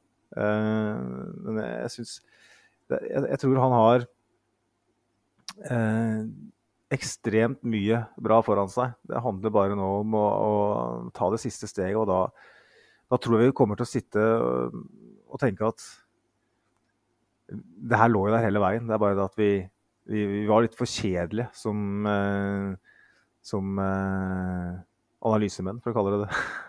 At vi på en måte ikke så det. Det er shout. Ja, absolutt. Det er et veldig interessant poeng. Vi, vi håper jo at han fortsetter utviklingen sin opp i himmelen. Det han har så enormt potensial, Bukayo Saka. Det har for så vidt eh, Martinelli òg, på andre sida. Men em, Nei, eh, vi skal være så jævla glad for at vi har Saka i, i troppen. For eh, når han, som du sier, Magnus, har, har skapt flest sjanser i Premier League så langt i år, og så har vi sittet her nå i ja, x antall episoder siden sesongstart og sagt at nei, vi er ikke helt der. Vi er ikke helt i gang. Det klikker ikke helt. Høyresida vår ser ikke bra ut. Det, og så har han fortsatt skapt så mye som han har gjort. Da, em, da er det jo faktisk sånn at da er han så low-key så god at han passerer under sjøl Magnus sin radar. Det, Det er ikke mange som gjør. Nei, det, det er ikke Det det, altså. gjør jo det gjør jo faen ikke Liam Kelly i Bournemouth engang. Nei, det, og Lloyd sjøl ikke, selv ikke Lloyd Julian Kelly, ja. Timber fra Ajax eh, gjorde det når, eh, før han kom i, til Arsenal. Så lite fotball som jeg ser nå, så er nok det en utdøende egenskap. Ja, det, helt, jeg holdt jo på å miste Altså, jeg har dårlig syn fra før av, men jeg holdt jo på å bli blind jeg, når jeg begynte å lese en tråd om Lloyd Gelly på Twitteren til uh, Magnus. Han har god, eh, god talent i det. Ja, og Jeg takk. Magnus skal være scout. Det har vært, vært noe. Det er bare å ta opp eh, telefonen, Mikkel. Han, han sitter ledig på Løten, han. Det kan hende han må gjøre noe fra hjemmekontoret. Han er i pappaperm akkurat nå, men, men ellers så, så møter han opp. Det, det skal nok gå bare godt. Det er, eh, det er første gang noen har eh, lansert meg som speider, så det, det blir nok, et, eh, det blir nok et, en innramma sitat på veggen i kjellerstua mi, ja. Takk for den. Ja, men det er ikke dårlig det å bli ramma inn på, på veggen i Løten. Det, det tar jeg. Ved, siden, tar jeg ved siden av meg der. Ja, ja, ja. Ja, det er- Men det, det er det er jo et bilde som vi ikke kan legge ut på sosiale medier, som er innramma av deg. Nei, nei, nei, litt for skarpt. Nå, nå, er, nå er vi nødt på Nå må du Nå må du, nå må du, nå må du til babord, eh, Andreas. For det, nå, det Jeg liker styrbord bedre, for det er høyre. Jeg liker høyre, høyrearmen min bedre enn venstrearmen. Men, eh, men Sivert skaffa meg ordna meg billett til Wolverhampton hjemme når vi egentlig skulle inn i ligaen i fjor. Og da sa jeg til han at uh, da blir det peishyllebilde på deg. Ja, ja, ja, ja. Så når jeg får meg peis, men- så kommer, eh, kommer Sivert til å være førstemann opp på den hylla. Med, Ja. med Sivert, eh, Sivert sine kontakter og med billettordning og, og inside information, og i det hele tatt så er det nesten rart at han ikke henger på, eh, på de fleste peishyller i Arsenal-verden. For eh, det er mye gull ifra, ifra Tjøme om dagen. Um, men eh, hvis vi da Hvis vi da skal prøve å dra oss eh, tilbake til kamp, gutta, ehm, etter å ha prata en del om, eh, om eh, angrepet vårt, ehm, så mista vi kanskje litt kontroll, i, i, spesielt mot slutten av andre omgang, men, men vi kontrollerer kanskje på en eh, på en litt annen måte enn det vi har sett eh, tidligere i sesongen. da. For uh, samtidig som vi kontrollerer, så i andre omgang så har vi flere store sjanser da òg.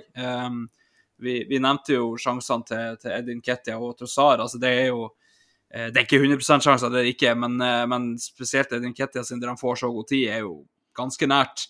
Um, og, um, og med tanke på da Edin Ketia som kommer inn for Jesus, vi må bare regne med at det handler om tett kampprogram, eh, og Jesus som kanskje ikke er 110% ennå, for å si det sånn. Um, og da, da, vet vi at da er det kanskje litt sånn at Arteta uh, sparer han litt. Um, og så har vi fått noen uh, reaksjoner på Nketia sitt innhopp uh, som vi kan lese opp i, i tur og orden her. Um, Ole Martin Brattberg på at Ole underscore Brattberg sier at jeg er ferdig med Eddie. Maken til hengehue og slapp holdning. Um, og så kan vi eh, si eh, Henrik Tveter på H. Tveter. Ta gjerne en prat om innsatsen til Nketia når han kommer inn som innbytter. Står på 40 meter og glaner på at, presset, at vi blir presset bakover. Prøver ikke engang å gå i dueller. Hadde, en, uh, hadde han satt sjansen sin, hadde jeg vært lynings, uansett vært lynings forbanna. Um, og så hadde vi vel Så hadde vi vel en lenger opp og folk, her. Folk mener, um, folk mener, at jeg melder for mye. vi, hadde, vi, hadde, ikke flere på, på Eddie akkurat nå. Um, altså, når dere satt og prata om Eddie sist, så når, når, Sivert har meldt at han har en plass i en tropp, så satt jeg og skrev nei, nei, nei, nei, nei inn i chatten her. Uh, da var jeg i, i, i pain og killerrus, men uh, men uh, ja, jeg mener jo det at Eddie ikke er bra nok. Jeg har jo vært ferdig med det ganske lenge. Uh, Nokså urettferdig, egentlig. for han har, vært bra i år, han, det er ikke det. Men, men akkurat mot, uh, mot Wolverhampton så syns jeg jo kanskje vi Jeg skrev jo til dere at det var en enorm drop-off når Jesus gikk av.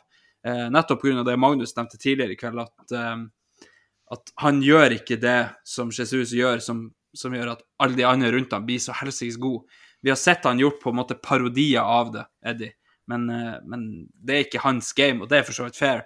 Um, og så er det klart, setter han sjansen sin Jeg tror kanskje ikke innspillet her er, er helt korrekt at vi, vi, vi er lynvis forbanna på han likevel, hvis han setter 3-0 og kampen er punktert osv. Men, um, men det er noe med det der Eddie inn fra benk. Det lukter jo ikke mål. Nå har han jo riktignok ett inn fra benk, vel, men uh, men det lukter jo ikke akkurat mål, Magnus, når, eh, når Eddie tar av seg eh, treningsovertrøya og, eh, og, kommer ut på banen der.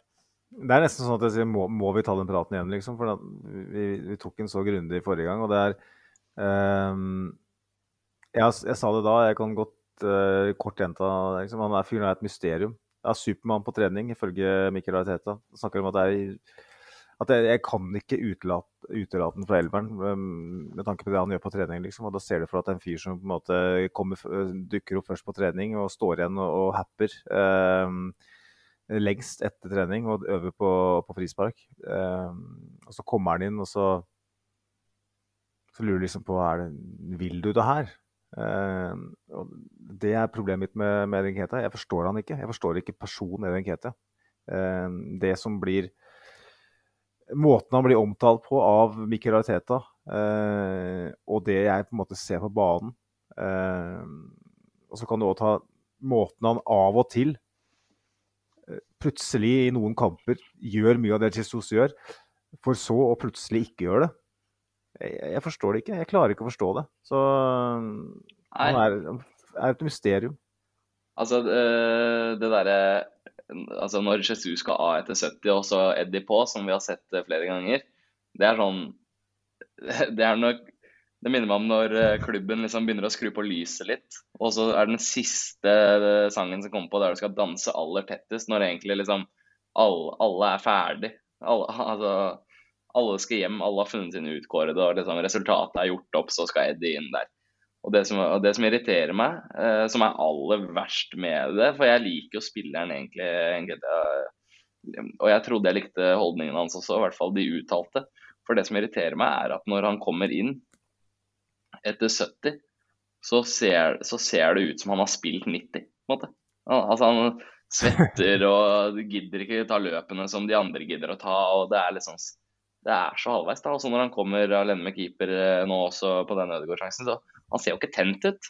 Det ser jo nesten ut som han lukker øya og bare går for det. Han, eh, jeg, jeg, jeg, skjønner, jeg, skjønner, det ikke. Eh, så altså, Jesus må inn i bobleplast og eh, på en måte begynne å veie maten sin og, sove, og bruke blålysbriller to timer før han skal sove. Fordi ja, et sånn lengre run med han godeste igjen, da er det mellom andre- og fjerdeplass. Men altså, det, jeg kan spørre dere om, da, er jo um, litt, sånn, litt, sånn, som når, når hvor, hvordan motstanderen på en måte kan fortelle deg litt om, om spillerne. Liksom. Eh, hvordan reagerer motstanderen på eh, et bytte du gjør. Eh, så kan vi ta det sofaversjonen. Liksom, hvordan reagerer de som sitter i sofaen på at Eddie Nketa kommer på? Og da tenker jeg Arsenal-supportere. Eh, Hva føler dere, liksom? Når, når Eddie Nketa tar av seg der til 60, og det bare er 2-0. Personlig så, så kjenner jeg på en litt sånn uggen følelse, da. Det sånn der, og det, det, må jo Og da tenker jeg at jeg, jeg som Arsenal-supporter, jeg ønsker bare at Arsenal skal vinne den kampen, uavhengig av hvem som spiller. Eh, jeg har ikke agendaer sånn sett, og jeg er ikke Lee Gunner, liksom. Og når, når, når, når kommer på, som jeg liker, eh, som jeg har gått litt i krigen for av og til, så kjenner jeg på en sånn uggen følelse. Sånn nede i magen, liksom. At, og det må jo på en måte fortelle noe om hvor god han er, på, for da, det fjerner jo på en måte alle sånn forutinntatthet, eh, agendaer alt det der. Det er bare det du føler inni, basert på det du har sett, og vi, har, vi ser jo alt. Hvor- Altså er det sånn at dere, spør deg Andreas, da, er det sånn når Eddie Nketa tar av seg treningsdrakta, og du ikke leder med tre mål, så er det sånn åh, Hadde jeg vært litt bedre på dialekt, så hadde jeg svart på vegne av Andreas. For her vet jeg hva som kommer. Ja, det er nettopp det. Altså, for meg så er det jo litt sånn øh, Er vi ferdigskåra, liksom? På en måte, da. Eh, og så, så klart kan Eddie score, eh, uansett om han kommer inn fra benken. Tallene viser jo kanskje at han ikke gjør det så mye, men, men det er litt det der eh, Spesielt da med tanke på hvor, hvor god Jesus var, eh, så, så er det kanskje litt den der eh, Ah ja, OK, men da er vi ferdig med den type angrep, liksom. Eh, og så skal sies teit altså det, å føle at du bytter deg det- ned hele tida. Nei, men nei, for akkurat der så bytter vi oss ned. Sånn soleklart ned. Ja, det det. eh, I hvert fall med tanke på det, det, det Jesus leverer i den kampen der. Og så skal det sies, altså Avslutninga til Nketia er stolpe, stolpe ut. Det er, det er, så, det er så minimale marginer at det er eh, ja, nesten ikke verdt å snakke om. Men, men samtidig så står han da igjen uten målpoeng etterpå. Eh, hadde han stått igjen med et mål, så tror jeg vi har prata om at ja, men Edin Ketil punkterer kampen for oss. Eh, det er greit. Eh, så skal vi Vi, vi hopper jo over straffesituasjonen, da. Den kan vi nevne kjapt etterpå. Men, men Nei, for å svare på spørsmålet ditt, Magnus, det er ikke akkurat sånn at jeg føler at ah, nå, nå skal vi sette siste, nå punkterer vi. Nå, nå, nå er det bra, gutta. Um, jeg spilte en, en kamp en gang i turnering. eh, da var vi vel eh, gutter 12 eller noe sånt. Eh, vi leda 9-0, og treneren på sida der sto Gutta, kom igjen, nå har vi de akkurat der vi vil ha de. Eh, det er liksom Det er ikke helt den følelsen du får når Edin Ketia kommer på. Og om Arteta sier at ja, nå skal vi kjøre, liksom, nå skal vi Mm. punktere, så er det ikke Edin Ketia du setter på. Um, så er det kanskje litt begrensa hva han kunne sette på i akkurat den kampen der, men uh, annet enn Havertz, da. Men um, nei um, Edin Ketia vekker ikke akkurat optimisme i mitt sinn når jeg ser han tar av seg. Det, Altså, det, er jo, det er jo interessant det du si, sier, da, Andreas, om at det er stolpe, stolpe nesten her uh, ut. Mm. Uh, og setter han den, så har han plutselig to mål fra benken denne sesongen her. Uh, Ja. Og det er jo På kanskje tre eller fire innhopp, liksom. Ja, ikke sant? Så, så da, da det endrer jo forutsetninger for samtalen. Så det er igjen det, det jeg kaller resultatbasert analyse. Da. Men Mm, mm. det er som uh, lytterinnspillene er innom, innom for så vidt, da, at det, det handler mer altså, Jeg hadde nok ikke vært forbanna hvis han hadde scora, men, Nei, det hadde nok ikke heller. men det er liksom det der med at uh, du ser litt av det samme, liksom. At han, han kommer ikke inn og tar tak i kampen på noe vis. Det er Det handler, om liksom hva du, det handler om hva du bidrar med. på en måte. Hadde jeg vært spiss på Arsenal mot, eh, mot uh, i, altså i, den, i, i den kampen her, så hadde jo jeg også vært alene med keeper der. Altså sånn, uh, det er jo Ødegaard-briljanse. da. Eh, Det jeg savner, er at han er førstemann i pressledd og tar tak i det. Veiver til fansen og viser at jeg er satt inn her for å uh, et nummer tre eller uh, trygge en ledelse. Ikke bare være fordi det er regler i fotball om å ha elleve mann når Jesus var sliten. Det, det, det, ja nei, det, er jo, det er jo egentlig veldig godt oppsummert. Da. Du føler jo at det er Det er fordi at det er det alternativet vi, har. Eh, hadde vi hatt Giroud på benken, hadde vi satt inn på Giroud? Vet ikke, det er ikke sikkert han er Artetas kopp av ti, liksom, men eh, hadde vi hatt alternativ til Nketia, Trossar eksempel, hadde Trossar støtte på benken, hadde det vært. Nketia?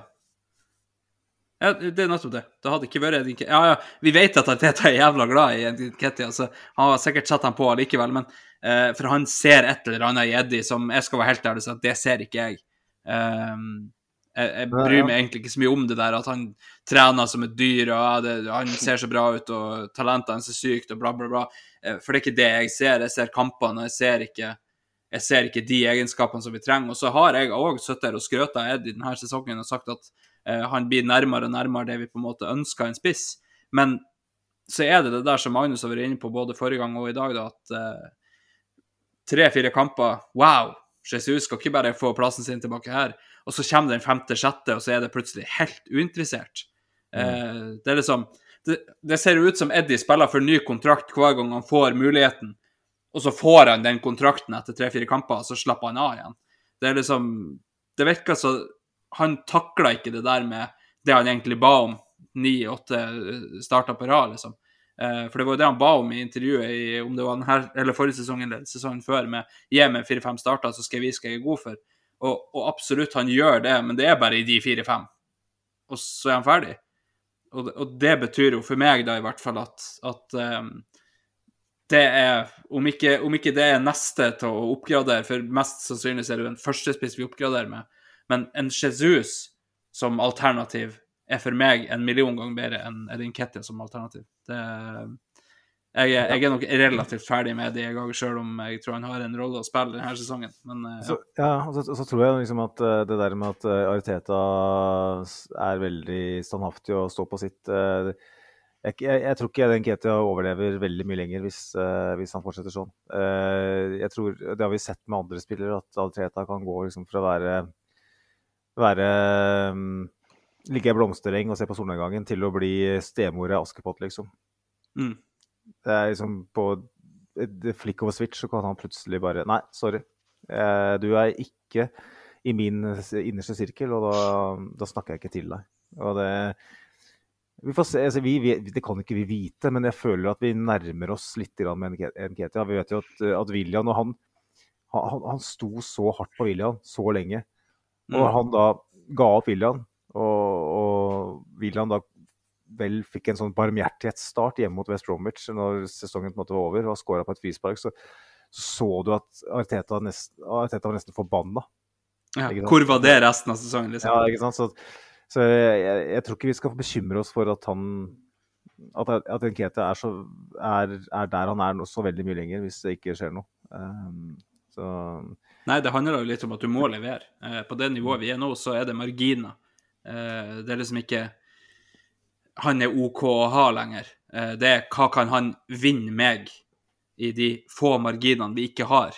Altså det der med hvor kan vi ta det millimetersteget neste gang. Eh, og, jeg tror det at en spiss er nok høyt oppe, men, men Eddie er ja, det skal skje noe drastisk før jeg på en måte tror at han er svaret på, på akkurat det, det problemet. Um, nå har jo jeg hoppa over en situasjon. Uh, følg rytmen etter forrige episode og hoppa over ting.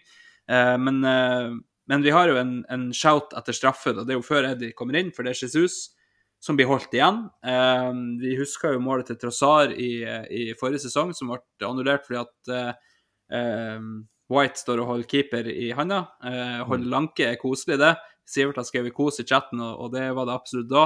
Det er jo litt det samme her, da. Eh, jeg vet ikke hva, hva du tenkte, Sivert, når, eh, når innlegget kommer. Jesus prøver å kaste seg framover. Blir holdt litt i handa, får ikke på en måte fri bevegelse. Får ikke på en måte prøve å nå den så godt som man kan, da. Eh, tenkte du straffe, eller tenkte du at det her er på en måte det her blåser over? Altså Det jeg på en måte har gjort flere ganger, er at jeg har uh, svarta, og så i fortvilelse har jeg skrevet at eh, Jesus legger seg for mye. Uh, at, jeg, at jeg er drittlei det der uh, Altså Han har tatt med seg mye bra fra mye brasiliansk techers og gatespill uh, holdt jeg på å si, inn på Emirates, men det er én ting han også har tatt med seg, og det er teatralsk, legger seg, søker straffe, eller henger igjen foten. Sånne ting har jeg nesten vært aleine om å ta Jesus på, for jeg er drittlei det i perioder. Men den her er klar straffe. Det er eh, eh, mitt til eh, å kommentere denne situasjonen, er at jeg er ikke blind på Jesus. Eh, altså her har jeg vært streng. Men, men her, jo, her driver jo forsvarsspillere og leier lankemenn. Altså det så ut som det der det der tauet du har i barnehagen når du går tur, og så er det én sånn utstikker på alle tauene, og så er det sånn Dette slipper du ikke! Da, vi skal på skogtur her. Ikke slipp det tauet, sier jeg. Sånn var det med den situasjonen der. Altså, det Utrolig, egentlig. Han hadde jo Altså, han hadde jo connecta med den ballen, og på pannebrasken hadde de ikke gjort det der. Så det er inkonsekvent. Hele veien så er det inkonsekvent. Eh, det er jo ikke lenge siden eh, Var det City, eller, som fikk straffe på holding inn i feltet? Eh, på corner der. United-kampen, ja. United-kampen, ja. Mm. Uh, og det er jo ganske lik situasjon sånn sett, bare at det ikke er en klynge og sånne ting. Det er jo Du, du hindrer i, i å rekke ballbanen. Uh, hvis jeg husker riktig. Eller så skjedde den bak i feltet, og det var bare piss. Men uansett, da. Så er det noe de noen ganger bestemmer seg for å dømme på, og så andre ganger så er det sånn nei, nei, det er soft, og det må være lov og greier. da. Så jeg blir jo helt svett av det. Ja, Det er jo den de definisjonen med clear and obvious mistake som vi vet at Kasper Wikestad er relativt trøtt av. Eh, så kan jo jeg nevne at i barnehagen i Lurøy så, så driver de ikke og leier oss i bånd. Eh, vi er ikke hunder, liksom, så vi fikk leke i skogen som vi ville. Eh, så jeg skjønner ikke helt referansen. Sånn det gikk. Ja, så hvordan det gikk, ja. Da, da satt man her med 1000 metaforer for, for diverse aktiviteter. Ja. Det, det, det gikk rett ad undas. Um, men jeg vet ikke, Magnus, har du noe, har du noe å tilføye den uh, praten om det her? Vi kan jo trøste oss med det at det er ikke den største varekontroversen denne uka, som vi kanskje kan komme litt inn på etterpå, men klokka går nå fort. Ja, jeg vet ikke om vi rekker det, men uh, jeg så jo i den uh, matchen du sikkert refererer til, da uh, City Ja, det er City-Tottenham. Det er City-Tottenham. Jeg orker jeg orka ikke, jeg orka ikke ha kryptiske meldinger på hvilken match det var. Det var braut og det var latterlig. Sånn, gå videre. Ja, og det, og det er ikke den situasjonen jeg snakker om heller, egentlig. Selv om den er sikkert mest interessant, så skal ikke vi snakke så mye om den. Men det var en eh, På overtid der eh, så ble jo kanskje holdt i, i skuldra der. Eh, på en Det dødball. sant. Og Jeg syns det er. Da var jeg livredd. Det var litt ganske likt den rollen McTominay mot eh, hvis, det var, hvis det var McTominay, mot Rodry eh, mot United. Så da tenkte jeg Det er typisk når vi virkelig trenger at Spurs skal gi oss en hjelpende hånd, så skal de faen ikke gjøre det, liksom. Men uh, da Heldigvis, så Og det, det, det er jo en annen prat, liksom. Men eh, jeg, man heier jo ikke på Spurs, men man håper at Spurs uh, Man håper at City ikke vinner. Det er vel det det handler om. Og det, det, gjorde de ikke, så da var jeg redd. Men uh, jeg, jeg føler ikke at vi har, har tid til å snakke så mye om det, for vi har én spiller som Men du fikk jo et spørsmål. Syns du det var straffe eller ikke straffe? Det kan du svare på. Uh, Jesus, altså. Jesus, ja, det syns jeg er straffe. Helt klart. Ja.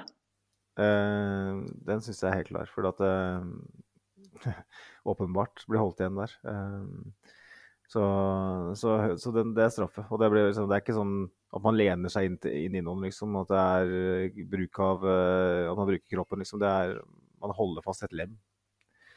Da tenker jeg at da er det straffespark. Um, en spiller vi må snakke om, Andreas, det er jo For nå har vi snakka snart en, i 1 time og 22 minutter, så, så må vi snakke om um, den polariserende figuren, Zinsjenko. Mm. Fordi at det er jo Ja. han som eh, serverer eh, Jeg vil si den fantastiske Matheus Cunha, som jeg bare har lyst til å legge til at uh, Snakker litt Jolinton. Ja, Er det Jolinton her? Må man flytte han dypere? For at han er så ekstrem én mot én. Uh, Tallene viser at han er nest best i Premier League eh, på antall eh, forseringer. Og det, det, det, sier alt. Han er, han, han er så god. Han har en kraftpakke. Og jeg tenker at han er nesten litt sånn wasted eh, høyt oppe. Eh, han skal ligge dypere og komme gjennom ledd. Hvis han klarer å bli taktisk disiplinert, så, så er det en indreløper. Eh, men Mm. apropos speider, speideren eh, meg, tydeligvis. Men det jeg skal nå, snakker, nå er du muta, og du snakker med den andre, Sivert. Sorry. Uh, Zinchenko har vi skal snakke om. For det er han som gir bort eh, den skåringen til Mathias Cunha. Og det var ikke den eneste feil han gjorde i den kampen her, Andreas. Eh, han hadde flere, blant annet den eh, Mm. eh, misforståelsen med Saliba der. Hvor han bare dytter gjen- ballen gjennom. Eh, hvor David Raja gjør en kjempegod jobb. Vi, kan, vi skal snakke om David Raja i neste episode, for han var god. Eh, men eh, det her er avveiningen, da. Det han bød på offensivt i den kampen, eh, sett opp imot det han eh, ikke gjorde defensivt, eller det han kødda til defensivt. Og det er jo på en måte diskusjonen, da. Jeg kan godt si at personlig så, så er jeg syns ikke det er representativt, for Zinchenko, det han gjør. Men samtidig så er det ingen tvil om at han gjør mye feil. Mm. Eh, Sivert snakker om oppgradering. Eh, for han er kompromissløs. Han er litt grann eh, Ferguson og Pep-skolen. Eh, og er det sånn at, eh, at Zinchenko er et problem, eller gir han oss nok eller mer eh, på andre siden av banen til, å, til at det på en måte er verdt å, å leve med de feilene han tross alt gjør? Jeg tenker det at eh, kanskje spesielt de kampene vi kan ta en av etter 75-ish, så, eh, så er det jo ikke tvil om at det er verdt det. Eh, han har jo, som du sier, eh, flere her. enn der Martinelli gjør en fantastisk jobb defensivt og dekker opp for det. Eh, men eh, også da eh, spesielt den som førte til, til to 1-skåringer. Men, eh, men eh, så har vi jo prata om hvor viktig han er framover, da. Eh, og jeg syns jo på en måte han viser han viser jo ytterpunktene sine i denne kampen her. Eh, han viser jo den største gevinsten og på en måte det største tapet med å ha han på banen. Eh, han har assist til Ødegaard, eh, og så gir han bort et mål i andre igjen. Men, men for flyten offensivt, for, for, det vi på en måte vil med ballen, spesielt på den venstresida, da Vi har sett han for så vidt som høyreving av og til òg, når han er virkelig i slaget. Eh, men, eh, men spesielt for den venstresida, så er han så instrumental for å for å få spillet til å flyte, for å få alt til å sitte i hopen. Jeg har jo kjefta litt på han for at han som regel prøver på det vanskeligste alternativet, istedenfor å av og til kjøre litt mer safe. Så har vi samtidig nevnt at tidligere i denne episoden at kanskje det er det vi trenger av og til.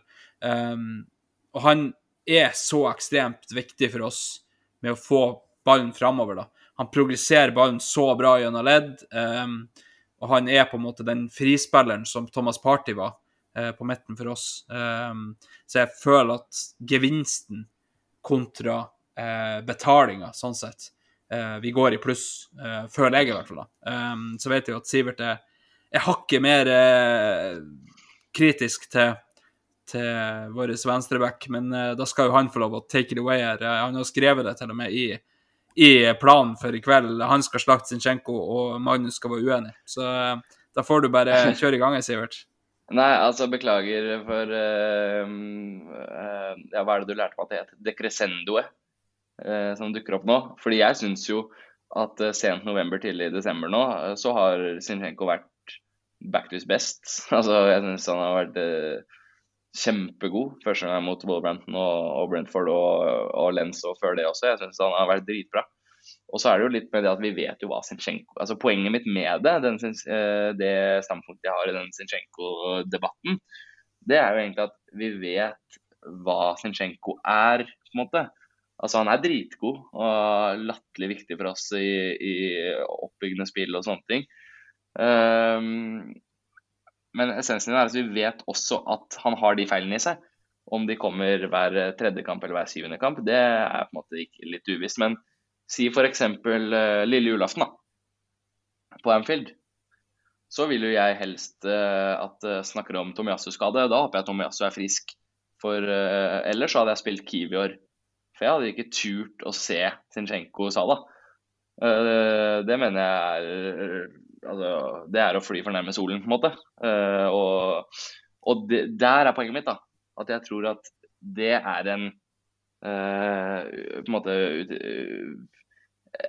en ting eh, som man ikke kan se bort fra. At han er en begrensa fotballspiller. Eh, altså, for å, for, å få, for å, få, en spiller til å være så god offensivt og god defensivt, da må du egentlig ha en robot. For det er jo ingen andre i fotball-Europa som gjør det Zinchenko gjør offensivt. Så sånn sett er han jo helt syk. Men det er bare den derre det lille med at uh, du ikke er fornøyd med han defensivt, at du ikke tør å sette han opp mot Salah. Uh, det er sånne ting som jeg gjør at, uh, som, som jeg tror da at Arteta kommer til å shippe han ut. Da vi henta han, var det akkurat det vi trengte. Og mentaliteten hans og, og måten å spille på har løfta oss så jævlig. Men når du bare på en måte er god, altså vanvittig god, 95% av matchene, og ikke 100, så er du ikke en Arteta-spiller. på en måte. Altså Han er Han, han, det, jeg kan ikke se for meg en verden hvor Zinchenko er førstevalget til Arteta hele dette Arteta-dynastiet. Det, det, altså jeg, jeg, jeg, tror han har prøvd å erstatte han allerede med Timber. Det er jeg ganske sikker på, egentlig. Jeg tror ikke det var White eh, og Tomiyasu nødvendigvis som var eh, veid å finne for lett der. Jeg tror det var eh, måte første steget i denne tilpassende eh, tilpasningen i denne kontrollfasen som vi er inne i nå. Og, og, så jeg tror vi har prøvd å erstatte han allerede, og jeg tror vi kommer til å på en måte gjøre det på sikt. For det um, dritbra spiller, men det er ikke det det er ikke, altså, ja, Han er for begrensa for å vinne Champions League og vinne Premier League. Og nå har han vunnet begge deler, så det faller litt igjennom. Men han har ikke vunnet begge deler som førstefiolin. Eh, han har vel ikke vunnet Champions League, vel? Med City. Nei, ikke sant. Ja, Poenget mitt står Han vunnet Premier League, det, det, har han gjort, men ikke Champions League. Eh, men, men litt, er ikke det her på en måte litt det her med Havert som spiss mot City? Er ikke det litt det der at du må ha et alternativ for de på en måte Kall det enkeltkampene, fordi at det er, det er færre av de enn det er de kampene du trenger, Sinchenko. Ja, men det det og. Uh, og kontrollrollen altså... som han har, er jo kanskje den viktigste når vi skal kontrollere kamper. For vi skal ikke kontrollere kamper med å forsvare oss, vi skal kontrollere dem med å spille. Og han er en av de viktigste ballspillerne vi har. Eh, vi ser jo, Når Arteta vil kontrollere, så er det jo Jorginho som skal resirkulere ballen det er Zinchenko, det er på en måte den gjengen der. Og når Zinchenko er sliten Vi sa det jo litt når du var på en måte i en annen samtale, Sivert, at eh, det er jo en grunn til at han blir bytta av i 75. 75. Eh, til 80. minutt. Det er kanskje litt det der at konsentrasjonen hans når batteriene begynner å bekke litt under 50 er, er nok kanskje litt for lav til at eh, vi, vi, kan stole på at vi kan ri av sånne stormer som vi vet kommer, spesielt med ettmålsledelser. Eh, men, men, samtidig, det der med hvis vi får kampbildet slik, slik, vi vil ha det, så tror ikke jeg Zinchenko er noe problem. Fordi at vi skal ikke kontrollere kamper i vår halvdel i det hele tatt. Vi skal kontrollere de i, i motstanderens halvdel, og der er Zinchenko en av de viktigste vi har. Tenker i hvert fall deg, da. Jeg vet ikke hva Magnus tenker. altså, Du har jo rett. Du har rett. Jeg mener bare at uh, altså, Timber gjør det like bra. og altså, Det går an å tilpasse også. Vi skal ikke ha denne måten å spille på hele tiden. Det gjøres jo twerks hele tiden, på en måte. Så jeg, jeg, tror ikke det er en sånn type, jeg tror ikke det er en sånn type rolle vi kommer til å ha heller når, i det neste på en måte, steget om å ja, vinne Champions League-type bit. Ja, det vet vi ikke. Magnus, hva du har å, å tilføye? Altså, altså Apropos det med å erstatte Zinchenko, så jeg vet ikke om man skal være så bombastisk på en måte. For at, eh, jeg føler at liksom, vi går inn i en fase hvor hvor det er som horses for courses, da. Uh, jeg er jo Timber-patriot på min hals uh, lenge før han kom til Arsenal. og Ser helt klart det poenget, men samtidig så har han ikke vist enda at han kan gjøre de tingene Zinchenko gjør, i tillegg til, til, de tingene litt bakover. Jeg tror vi trenger, trenger en som er litt skjødesløs. Så, så mener jeg det er feil å se på Zinchenko som venstreback. Um, fordi at Arteta tar åpenbart veldig hensyn til at han har en sånn spiller i laget. Han har en, en eh, flytende formasjon, eh, og uten ball så, så går høyrebekken ned som en tredje stopper. Gabriel tar eh, ofte veldig stort ansvar i den venstre kanalen og er én mot én ofte mot spesielt eh, kalde angrepsspillere som går inn. Eh, hvor man av og til naturlig venter at bekken skal følge. Uh, han har en Martinelli som er helt ekstrem på defensiv omstilling. Nesten for god på defensiv omstilling, sånn at det går nesten litt utover det han produserer uh, andre veien. Declan Rice, som Sjaka, ganske så venstreorientert. Uh, så jeg føler jo at man i stor grad tar hensyn til Zinchenko sin, sine svakheter. Og det handler ikke om at Zinchenko det handler, ikke om, det handler på en måte ikke om at Zinchenko gjør systemet dårligere Rasitsjenko er så dårlig én mot én og alt det der greiene der uh, som venstreback. Fordi at man har flere Det er ikke sånn som det var under Wenger i, og til dels under Emry i defensiv omstilling. At på en måte han blir isolert mot veldig gode spillere. Det har, for det blir han ikke. Veldig sjelden. OK mot Liverpool når det er Sala, mot uh, ja, eh, den type ekstreme verdensklassespillere, så må man ta det, ta det hensynet. Men Sitsjenko, han, han han spiller jo ikke som en venstrevekk, Systemet beskytter han. Og de feilene han gjør, handler ikke eh, for meg om at han er dårlig én mot én defensivt. Det handler om at han rett og slett, som Andreas sier, han mister konsentrasjonen. Han gjør feil som på en måte er helt meningsløse. Han har for stor tro på sine egne eh, tekniske ferdigheter.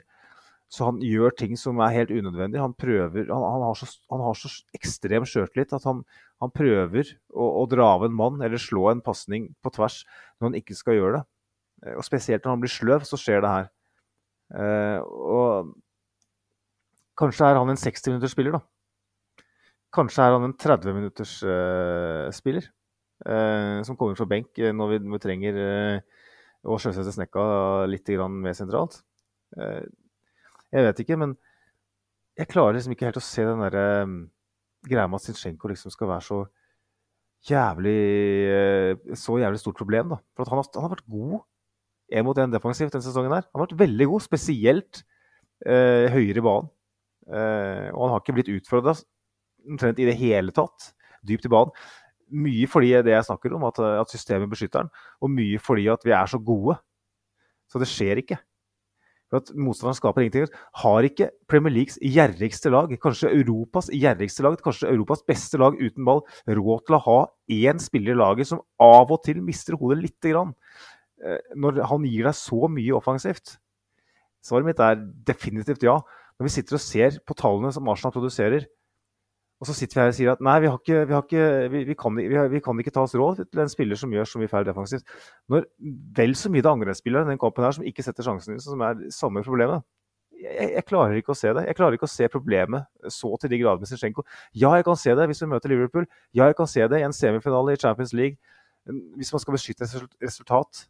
Eh, men, men jeg, jeg er bare Den kritikken Zinchenko får den er så over the top, da. Selv om man i den kampen her, det må jeg bare si, jeg er helt enig med alle.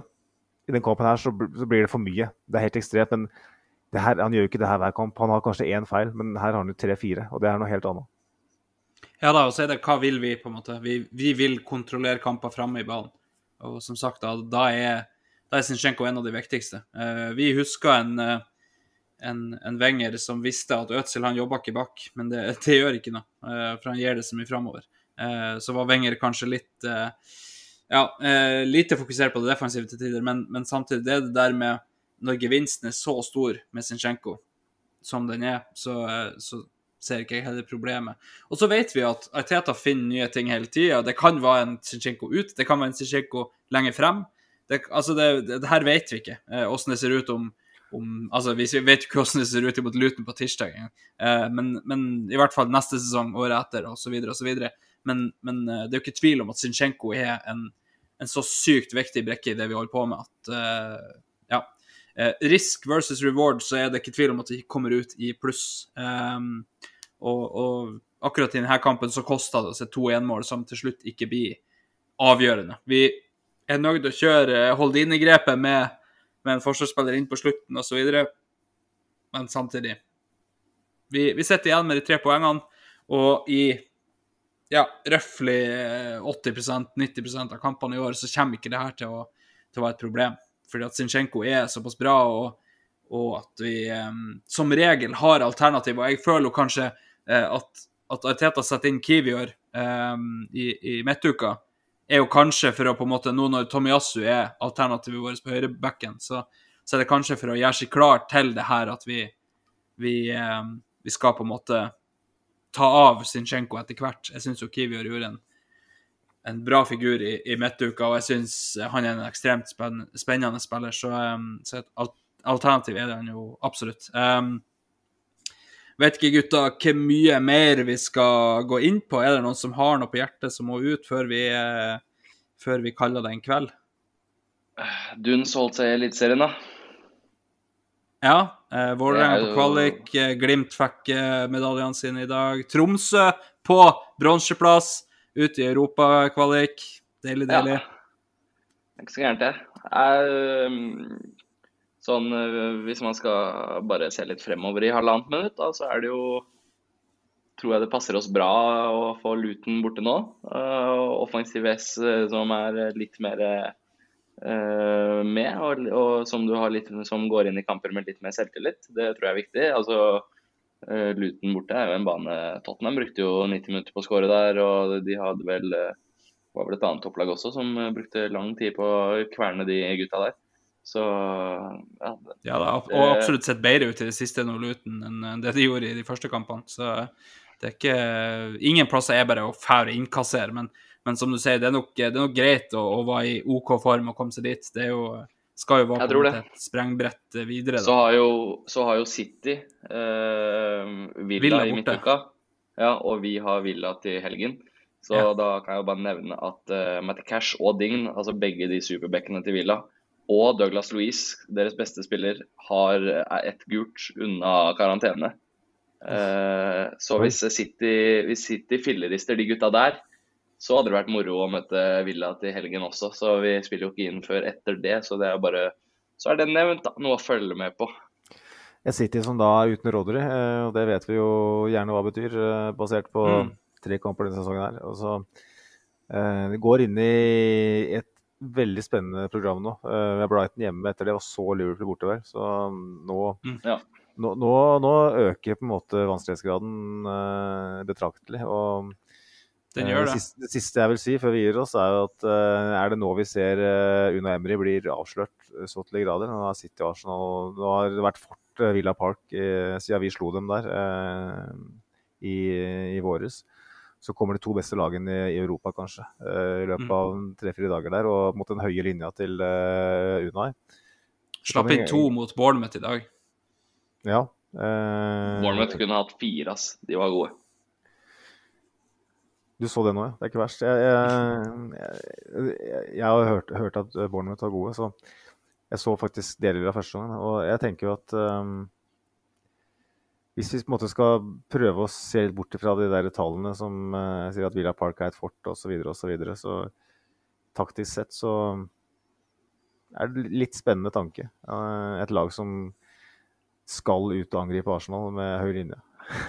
Altså, vi, vi skal jo sette, sitte og spille inn her, eller dere skal sitte og spille inn her eh, om en uke med seks poeng mer i bagasjen. Det er jo Der er lista lagt, og det har de Sånn er, har det bare blitt.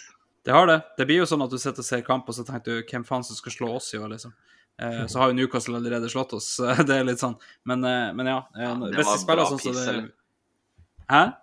Det var jo bra piss, eller? Ja da, det, det var jo det, men piss kan skje. Det, det har, vi, har vi sett både for oss og andre i, i PL. Peace happens. Piss happens. Peace happens, sånn, ja. Deilig å Sånn ha er tittelen på episoden klar. Oh. Men eh, skal vi bare si at det er greit, da, gutta? Vi kan jo nevne sånn bare sånn kjapt i forbifarten at vi har sikra førsteplassen i Champions League-gruppa. Eh, som vil si at eh, siste kampen er bare sånn eh, dead rubber, kaller de det vel i England. Eh, som vil si at eh, vi kjenner jo skal Teta, han, han, han stiller jo et sterkt lag av Teta, det kommer han jo til å gjøre, men eh, kanskje vi får se Eaton Vaneri, eh, kanskje vi får se Louis Skelly, kanskje Real Mohammed Waters El-Neni. El Neni må inn, så klart. Shaky, shaky. Eh, vi må ha Kivior inn. Altså, kanskje til og med, til og med Ramsdale får seg noen Champions League-minutter. Hvem Det vet? sant, det. Um, men, eh, men det blir noe spennende å følge når den tid kommer. Det blir jo ikke før, eh, før om i hvert fall én episode til, så da, um, da er ikke det så mye vits å prate så veldig mye mer om. Det Um, var hyggelig, gutta. Da skal jeg det var det absolutt. eh, spise frokost, og så, nei, kveldsmat, og så stikke og sjø, sjøsette snekka. Usikker Ja, på om det er frokost eller kveldsmat. Det er da man gjerne har sjøsatt snekka. eh, Ja, det er gjerne da den er, Da ligger den og dupper ute på fjorden, ass, eh, uten fortøyning. Men Når jeg er eh, der at jeg ikke skjønner om- om det er kveldsmat eller frokost, da pleier jeg å begynne å synge 'Shake it til- shake it til den ene'. jeg, Altså. Ja, og da, da tenker jeg at det er greit å gi seg før, før det kommer. Men uh, Ja. Sivert, eh, du må jo huske å mate katter. Det er jo eh, spesielt eh, viktig. Ja, du, eh, Lucy kommer nå på søndag, så skal hun være her hele romjula, og eller altså hele jula. Ah, Eh, det, da får du jo faktisk feila Lucie-dagen med lussekatter og Jeg, kom den. Jeg, jeg, vis- jeg visste det. Jeg visste at den kom nå. den, den måtte komme. Den måtte komme. Vi er programforplikta til sånt. Eh, men ja. eh, er ellers, sånn- da, sånn så um, Ellers da, så må vi jo bare si at dere må følge med på julekalenderen som vi kjører ut eh, på, på vår Twitter. Eh, det er rett og slett undersnakka mål, og, og nå har jeg lagt lista til deg, gutta. Nå kan dere ikke glemme å legge ut en sånn som dere gjorde i går. Eh, ikke så da- Det var match. i- Det var match. Ja, ja, vi, vi ser det. Det var matchfokus som var, var saken der. Men eh, følg med på Twitter for, eh, for litt grann, kanskje litt glemte mål som burde vært mer snakka om. Det, det er veldig gøy. Um, et gøy konsept som jeg ikke har hatt noen ting med å gjøre, så derfor sitter jeg og selger inn så hardt som jeg gjør. Um, Du må gjerne ta med morgendagen, du. nei, det, det, det, dere, dere ja, ordna det der så godt. Jeg er i gruva uten nett, så det går ikke. Folk klarer ikke å lese på dialekt, vet du. Nei, det er nettopp det. Hvis jeg skulle kjørt 'fy faen, det her er et bra mål, gutta', så har ikke det vært, eh, vært så mye eh, blest rundt. Og, og der er eh, Det er straffet til Barca. Ja, uansett. Nå må vi gi oss. Nei, men da, da er det for god. Da gjenstår det ikke så veldig mye mer eh, enn å for meg si som alltid vi hørs. Eh, Magnus, du skal få lov å sign off med Hva var det, da? Skal vi se. Ha det, Henry.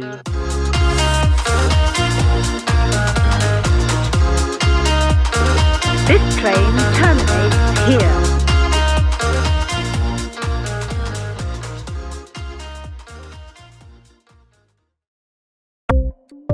Ukens annonsør er HelloFresh. HelloFresh er verdens ledende matkasseleverandør og kan være redningen i en travel hverdag. Mange av oss har nok vandret i butikken både sultne og uten en plan for middagen, som ender med at vi går for de samme kjedelige rettene gang på gang. Middag burde være dagens høydepunkt. Som HelloFresh kan du nå velge mellom 25 ulike retter hver eneste uke, eller få HelloFresh til å sette sammen menyen for deg. Dette gir deg muligheten til å prøve nye og spennende retter alene eller sammen med familien. Du velger antall porsjoner og får alt levert på døren på et tidspunkt som passer for deg. Oppskriftene er enkle, og maten er lett å lage både for store og for små. Ved å få alt levert hjem får du også mer tid til å dele matgleden med familie og venner. Kanskje det frister med asiatiske tacos eller greskinspirert kylling? Da kan jeg anbefale deg om å gå inn på hellofresh.no. Her kan du bruke koden FOTBALL og få opptil 1779 kroner i rabatt på de første fem matkastene hvis du ikke har prøvd HelloFresh tidligere. Du kan også bruke rabatten hvis du har vært kunde og stoppet abonnementet ditt for tolv måneder siden eller lengre. Gå inn på hellofresh.no og bruk koden FOTBALL. Har du et enkeltpersonforetak eller en liten bedrift? Da er du sikkert lei av å høre meg snakke om hvor enkelt det er med kvitteringer og bilag i fiken, så vi eh, gir oss her, vi. Fordi vi liker enkelt. Fiken superenkelt regnskap.